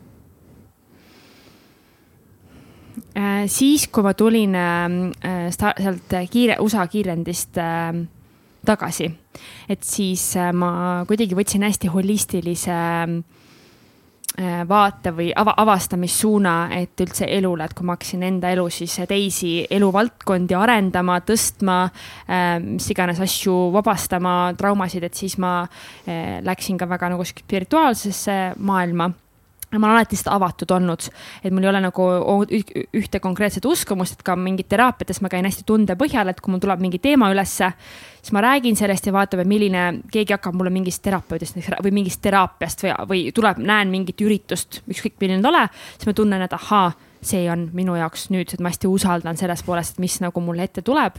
ja see ongi olnud siis ala mingi kristalliteraapiad ja tervendajad ja äh, noh, hea näide näiteks praegult ongi mul, ma siis eelmine aasta otsustasin teha endale täis siukse paneeli, paneelteste, et aru saada, et ähm, kuidas mu keha toimib, et ma biohäkkimisega ka sain lõpuks aru, et jah, niisama nagu proovimine ülitore, aga see on nii ähm,, see kvantita-, ainult kvantitatiivsel äh, analüüsil, analüüsimisele lähtudes tegelikult ei saa täispilti ja ma ei tea, kas ma raiskan oma raha ja energiat või mitte, et siis ma otsustasin, et testimisega saab väga hästi aru, et ka mingid asjad, mis tegelikult pole veel väga suured haigused, aga võib-olla tabavad ära varem, on ju. Ja, ja siis ma saingi teada, et minul on dermoitsüst paremas munasarjas, mis on siis nagu kasvajad, niisugune ähm, rasvkude ta on hea loomuline, aga et vot seal oligi näiteks, kuidas siis praegu äh, ma proovisin igasuguseid, ma igasuguseid arste, ma vaatasin igast vähi kasvajaraamatuid ja, ja rääkisin eri inimestega, et eh, sest minu nagu sihuke tugev uskumus on, et kuna praegu ainemaailmas eh, ainuke ravi on väljalõikamine, siis minul on sihuke uskumus, ei, et see lahe, lahustub mul ise ära. aga ma ei ole saanud nii-öelda sihukesest füüsilisest maailmast seda lahendust, kuidas seda teha, aga kus ma siis praegu olengi tuginenud, on spirituaalne maailm. et kuna ma tean, et ilmselt mul kui nüüd uskuda seda spirituaalse maailma nagu eh, tõdemusi, siis kõik siuksed eh, haigused saavad alguse kõigepealt nagu mingi emotsionaalkehas on ju mingid, see on mingi trauma või mingi pinge. Eh, ja siis sellest omakorda kujuneb välja sihuke füüsiline mingi reaktsioon on ju, ja minul siis on see dermoitsüst ja, ja ma kuidagi teadvustan, et kuna mul see menstruaaltsükkel on, võib väga kergelt paigast minna ja, ja siis on see süsti teemad mul selle sihukese seksuaalenergiaga ja kõik selle poolega on mingid teemad, et siis ma ka olen nüüdseks sihukeste spirituaalse lähenemisega otsustanud äh, oma dermoidsüsti tervendada äh,. kindlasti äh, ütlen, et seda, ma ei ole arst seda ma kindlasti ei soovitaks teistele veel äh, või üldse, aga mul õnneks avastasin selle üpris äh,, praegu kaks sentimeetrit on hästi väike veel, et ma käin iga poole aasta tagant kontrollis. ehk siis mul on praegult äh, väga äh, palju aega lihtsalt katsetada ja käia ja tervendada eri, eri ravijate juures, lihtsalt vaadata, et kas midagi juhtub. et ma olen ka lahti lasknud, et ma ei paanitse selles mõttes, et issand, et ma nüüd pean, pean selle ise nüüd lahustama ära ja, ja kui ei saa, on maailma lõpp, et tegelikult ei juhtu ka midagi, kui, et kõik on, kõik on hästi, et kui isegi see välja lõigatakse. aga mulle meeldib, see on niisugune lahe projekt, et mis, küsin, mis siis oleks nagu, mõtle, kui lahe, kui ma ise lahustan selle ära, sest neid jutte, see on just Brene Bayes kes on rännakumeetodi autor, et tema mm. nii-öelda lahustas endal kasvajaga ära mingi korvpallisuulune. see oli ikka päris rets jah. ja, et mõtlesin, mis siis, kui mina ka mm. seda teen nagu, kurat, see oleks mega lahe. et siis, et see mind kannab ja praegult ma näiteks olengi hästi avatud ja seda spirituaalset maailma noh, ka aastate jooksul, aga nüüd eriti avastan. ülilahe, minu meelest sinu puhul ongi nagu nii, nii kihvt, et kuidas need kaks äh, maailma, selline hästi teaduspõhine mm. uurimine, tohutud analüüsid, tea-, ongi teadusuuringud, sa lähed nagu süvitsi kõike nagu mingi statistika ja värk, on ju. aga samas äh, sa oled ka selline ikka spirituaalne hing, on ju et hästi-hästi kihvt, et sul on nagu best of nagu kind of nagu both worlds ja sa tood need nagu omavahel äh, kokku mis on nagu ongi täpselt see sihuke holistiline lähenemine, on ju. vot see ongi see päris holistiline lähenemine, kus sa kasutad tehnoloogiat, teadust koos äh, täpselt teraapiate ja rännakute ja kõigega koos. jah, jah, et ma ikkagi, mina ise nii usun sellesse lähenemisse, ei ole nagu ühte, täpselt nagu toitumisega. et on siuksed sõnad, kus kasutatakse, et tervislik toitumine, hea, halb toitumine, et sellist asja ei ole olemas tegelikult, et meil kõigile äh,. tegelikult mina ise kasutan, mina söön teadlikult mitte tervislikult, vaid teadlikult, et ma tean nagu, mis mingi toiduaine, kuidas ta minu kehale nagu mõjub, on ju ja aga noh, et see sihuke sildistamine võib ka viia igasuguste nii-öelda häireteni, on ju, et ja mina ise pean seda vastavalt, mida ma olen täna rääkinud, ka väga nagu äh, ette vaatama, et ma ei sildistaks ja, ja sihuke tasakaal, ma tunnen, üks minu märksõnadest olnud elus. et kuna mul ähm, on seda äärmuslikkust äh, elus antud, et, et kuidas siis leida tasakaal ja, ja siis noppidagi eri, eri, ma ei tea, valdkondadesse teemadest nagu parimad palad või, või nipid ülesse ja siis see kokku panna ja ka aidata teisi. sellest tasakaalust rääkides, siis äh, et nagu ka see spirituaalsus, kõik see toob meid ka naiselikkuseni ja, ja ka selle naiselikkusega oled sa siis läinud äh, äärmuslikuks, et oma naiselikkusega? jah, olen. kuidagi muud moodi ei saa. Äh, see oli nüüd, see tuli, ma arvan, see oli, oli kaks tuhat et äh, see pärast startup'i, ütleme mingi kaks tuhat viisteist, kus siis äh, ma olin hästi, ma olin olnudki tol ajal ja ma arvan, enamik oma elust väga mees mm. nii-öelda tegutsemise energias, sihuke tomboi, pükse kandnud, särke ja sihuke hästi asjalik. Äh, ja väga eesmärgile orienteeritud ja praktiliselt kõik mu sõbrad olid mehed. see oli huvitav, siis ma otsustasingi, et, et no jällegi tahaks mingit nagu tasakaalu ikkagi ellu. ja siis kutsusin mingid inimesed enda juurde nii mehed kui naised, aga tulid ainult naised. see oli nii kihvt ja see oli kõik siukses ka tegutsemise energias naised ja siis meil nagu moodustasime ka siukse sisterhood'i, eh, kus, mis on tänase päevani samad inimesed. Eh, ja kus me koos siis hakkasime nagu avastama ka teisi enda külge, mitte ainult seda asjalikkust, tegutsemist ja fookuses ja e-, eesmärgistatud olemist, on ju. et eh, sealt tuligi näiteks tantra, tantramaailm, mis oli hästi kihvt, et me, oli päris hull tegu, mis ma tegin, et me pidime kõik koos minema, lõpuks läksin mina. oli üks nädalavahetus naistele, mis Taanist tuli tantraõpetaja, kus siis olidki kõik naised koos ja siis sa tegelikult, mis oli kihvt, et ka näiteks eesmärkide, et sa sead eesmärke näiteks alasti tantsides, et see on nagu tegelikult samad printsiibid, mis ma nagu kas ka nende meeste maailmas olen avastanud, aga see oli siis nagu väga tantramaailmal loodud, et räägi oma joniga, siis oli hästi ebamugav minu jaoks, kus naised maalisid sinna, sa oled alasti on ju, siis kõik, kõik olid alasti, maalisid uh. üksteist on ju käsimaadega ja siis ah, tiirutad. naised maalisid sind? no üksteist me maalisime ja, siis mingeid alasti tiirutad naiste ümber nagu, et õpid nagu oma keha armastama, see oli nagu nii mugavustsoonist väljas, see oli nagu natuke liiga palju, ma olen rahul, et ma seda tegin, aga, aga ma läksin ikka väga kohe nagu sukeldusin sinna maailma, et sihuke uh.. et äh, aga jaa, kuna minul äh, mul elukaaslane ütleb, et ära seda musta pidevalt räägi, onju, aga et sihuke partnerlussuhte ja armastusega ähm, ei ole minul nii kergelt tulnud kui näiteks tööedu, eduga, siis ma arvan, sealt tuli ka see ajendus, et okei okay,, et ma nüüd, kuidas ma tahaks ka nagu sihuke naiselikkust juurde ja ma ei taha sellisesse, et mind mäletatakse kui mingi siukse asjaliku mees energias olemisega ja, ja siis kuidagi hakkasingi jah eh,, mingil määral kopeerima ja otsima nagu jällegi teistelt lahendusi, kuidas siis olla nagu kõige parim naine ja sihuke õrn ja ma tundsingi alg-, kuidagi räägiti, et jah, sihuke õrn ja, ja voolav mm -hmm. ja sihuke, ah, kõik on nii tore ja yeah. sihuke nagu liblikas, onju. ja siis kuigi teadsin, noh, tegelikult mina selline ei ole, onju, et äh, ja, ja see väga nagu päris pikalt ikkagi nagu otsisin ja mäletan, see oli nii mingil määral kurb, et ühel sünnipäeval, sõbranna sünnipäeval, siis tema kirjeldas kõiki oma inimesi enda ümber, et mida ta nendest kõige rohkem imetleb. ja minu kohta ütleb, et, et ma, et tema jaoks olen mina kõige süstematiseeritum, organiseeritum inimene, ta teab. siis minu jaoks kõige sügavam solvang, mida keegi saab mulle eales öelda. aga sa oled. saad sa aru nagu ja, ja aga vaat see oligi nii huvitav, et tollel hetkel ma tundsin ja, sest see on ju, see on meesenergia osa mm.. et issand, aga ma olen ju rohkem, ma olen palju rohkem kui ainult süstematiseeritud ja organiseeritud Aha. inimene. ja, ja see oligi, see oli nii, see oli ka hästi hea tagasiside minu enda poolt, kuna see mind nii sügavalt puudutas, et ma ütlesin ka, et okei okay,, see ei ole nagu tervislik, see ei ole normaalne niimoodi ennast tümitada ja, ja kuidagi äh, noh, saan aru, et ma lihtsalt teesklen, on ju, üritan kuidagi mingi kuidagi. ei no ei, pigem, et üritan mingisse vormi sobida, mis mm, -hmm. kus ma tegelikult ei ole võimalik sobida mm. -hmm. ja ma arvan, sealt, see oli ka sihuke järjepidevalt, et kus ma lõpuks iga aasta, ma olen vaadanud oma eesmärgiraamatuid, et ma iga aasta lõpus teen, panen nagu aasta mingid taotlused ja eesmärgid. väga meeldib ja iga aasta on olnud see mingi versioon enesearmastusest, on ju, ja siis äh, tegelikult ka see aasta, vist eelmine aasta ka, lõpuks ma paningi, et siukse enda aktsepteerimine oli märgiks mitte see enesearmastamine, et seal oli ikkagi see, et okei okay,, et teha mingeid asju, et ennast rohkem armastada, vaid et enda aktsepteerimine, lihtsalt alistuda, et ei, jaa, minul on see äh, süstematiseeritus äh,, organiseeritus, minus on ka see kärsi-, noh, need varjupooled, mingid kärsitus ja viha ja jonnakus ja, ja siis, et, et kõiki pooli lihtsalt aktsepteerida, et ma olen täpselt selline, nagu ma olen ja, ja lasta nagu väga paljudel asjadel lihtsalt olla, mitte nagu hakata neid neid parandama ja tegutsema lihtsalt jah, ma kodus olengi sweatpantsides ja äh, otsin praegu veel mingi sweatpantse juurde, onju.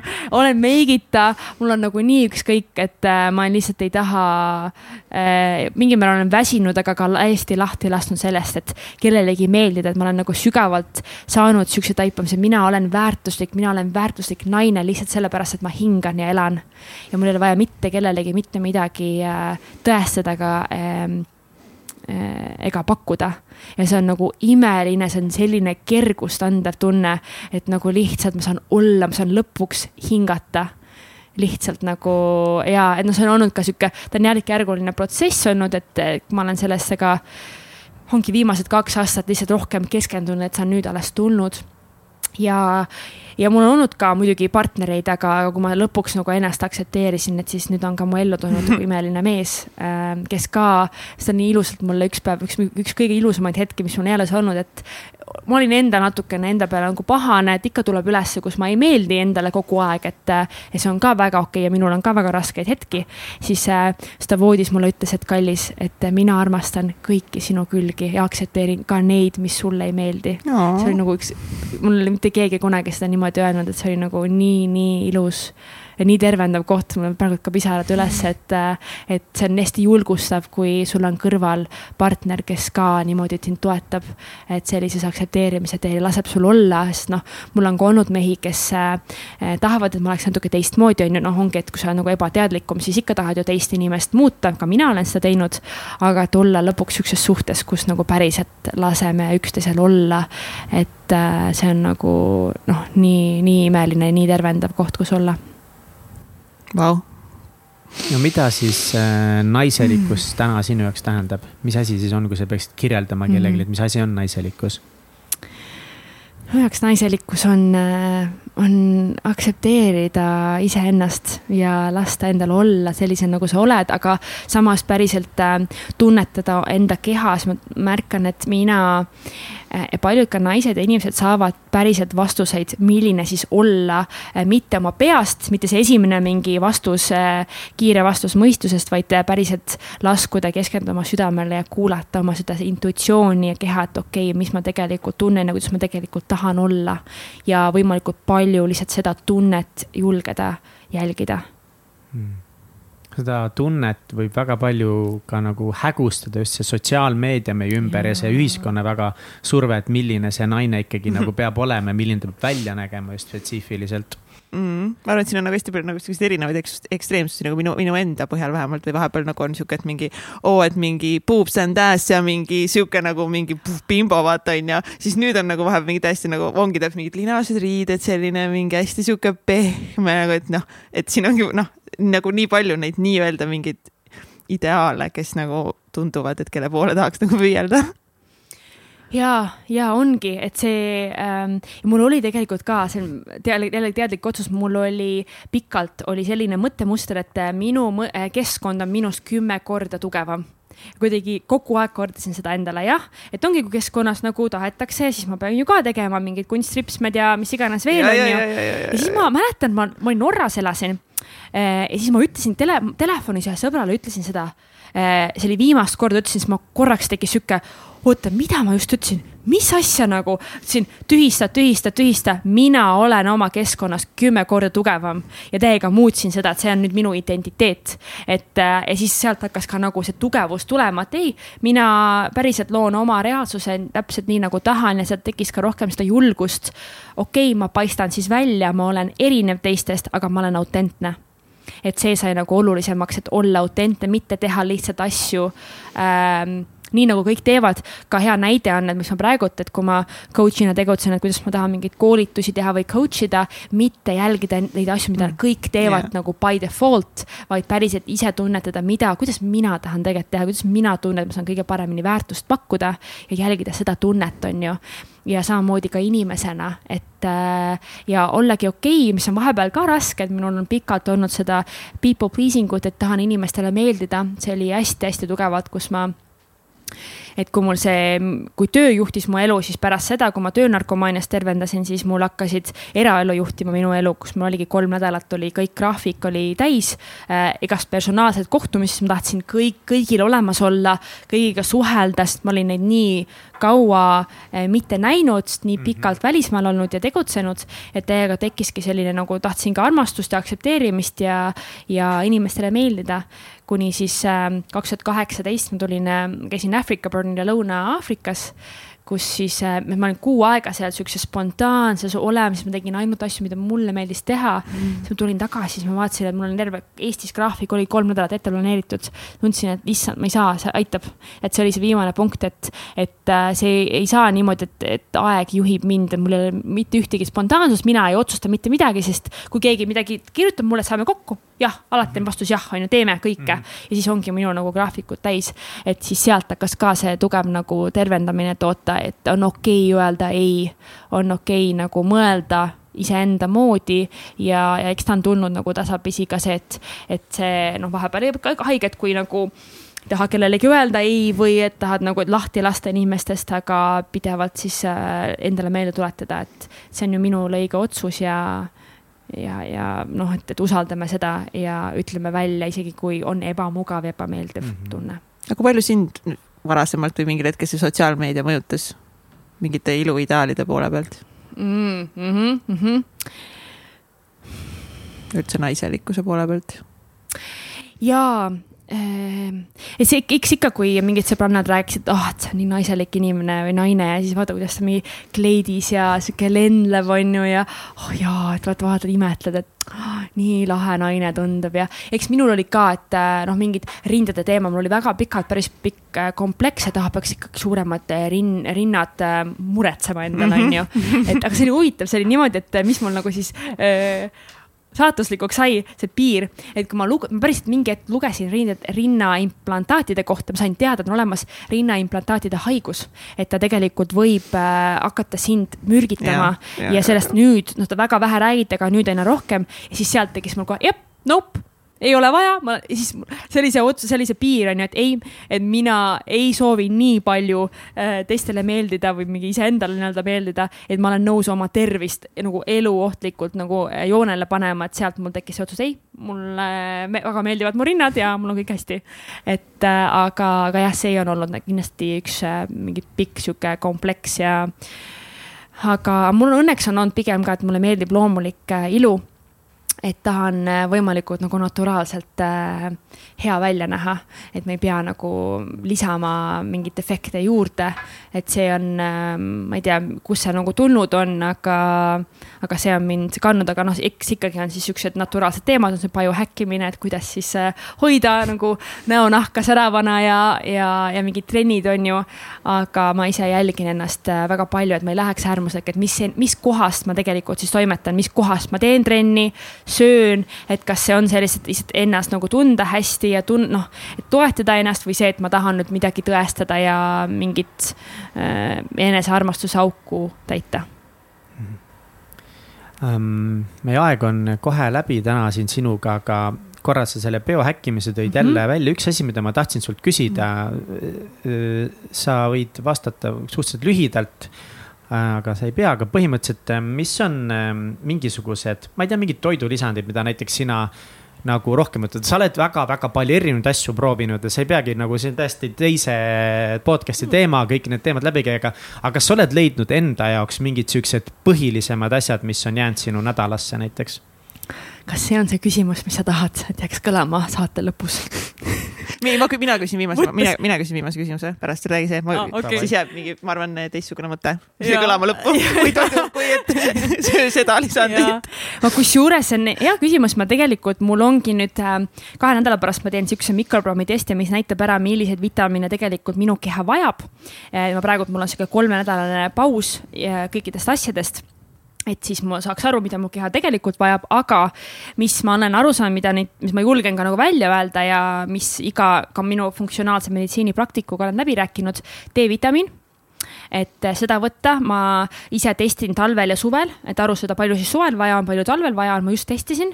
ei olnud pikalt võtnud ja mul oli üpris madal, et ikkagi pean võtma omega kolm, kalaõli ja siis minul on magneesium, sest äh, mul on geneetiliselt on magneesiumi puudus. et siis äh, neid on need kolm, mida ma praegult äh, võtan.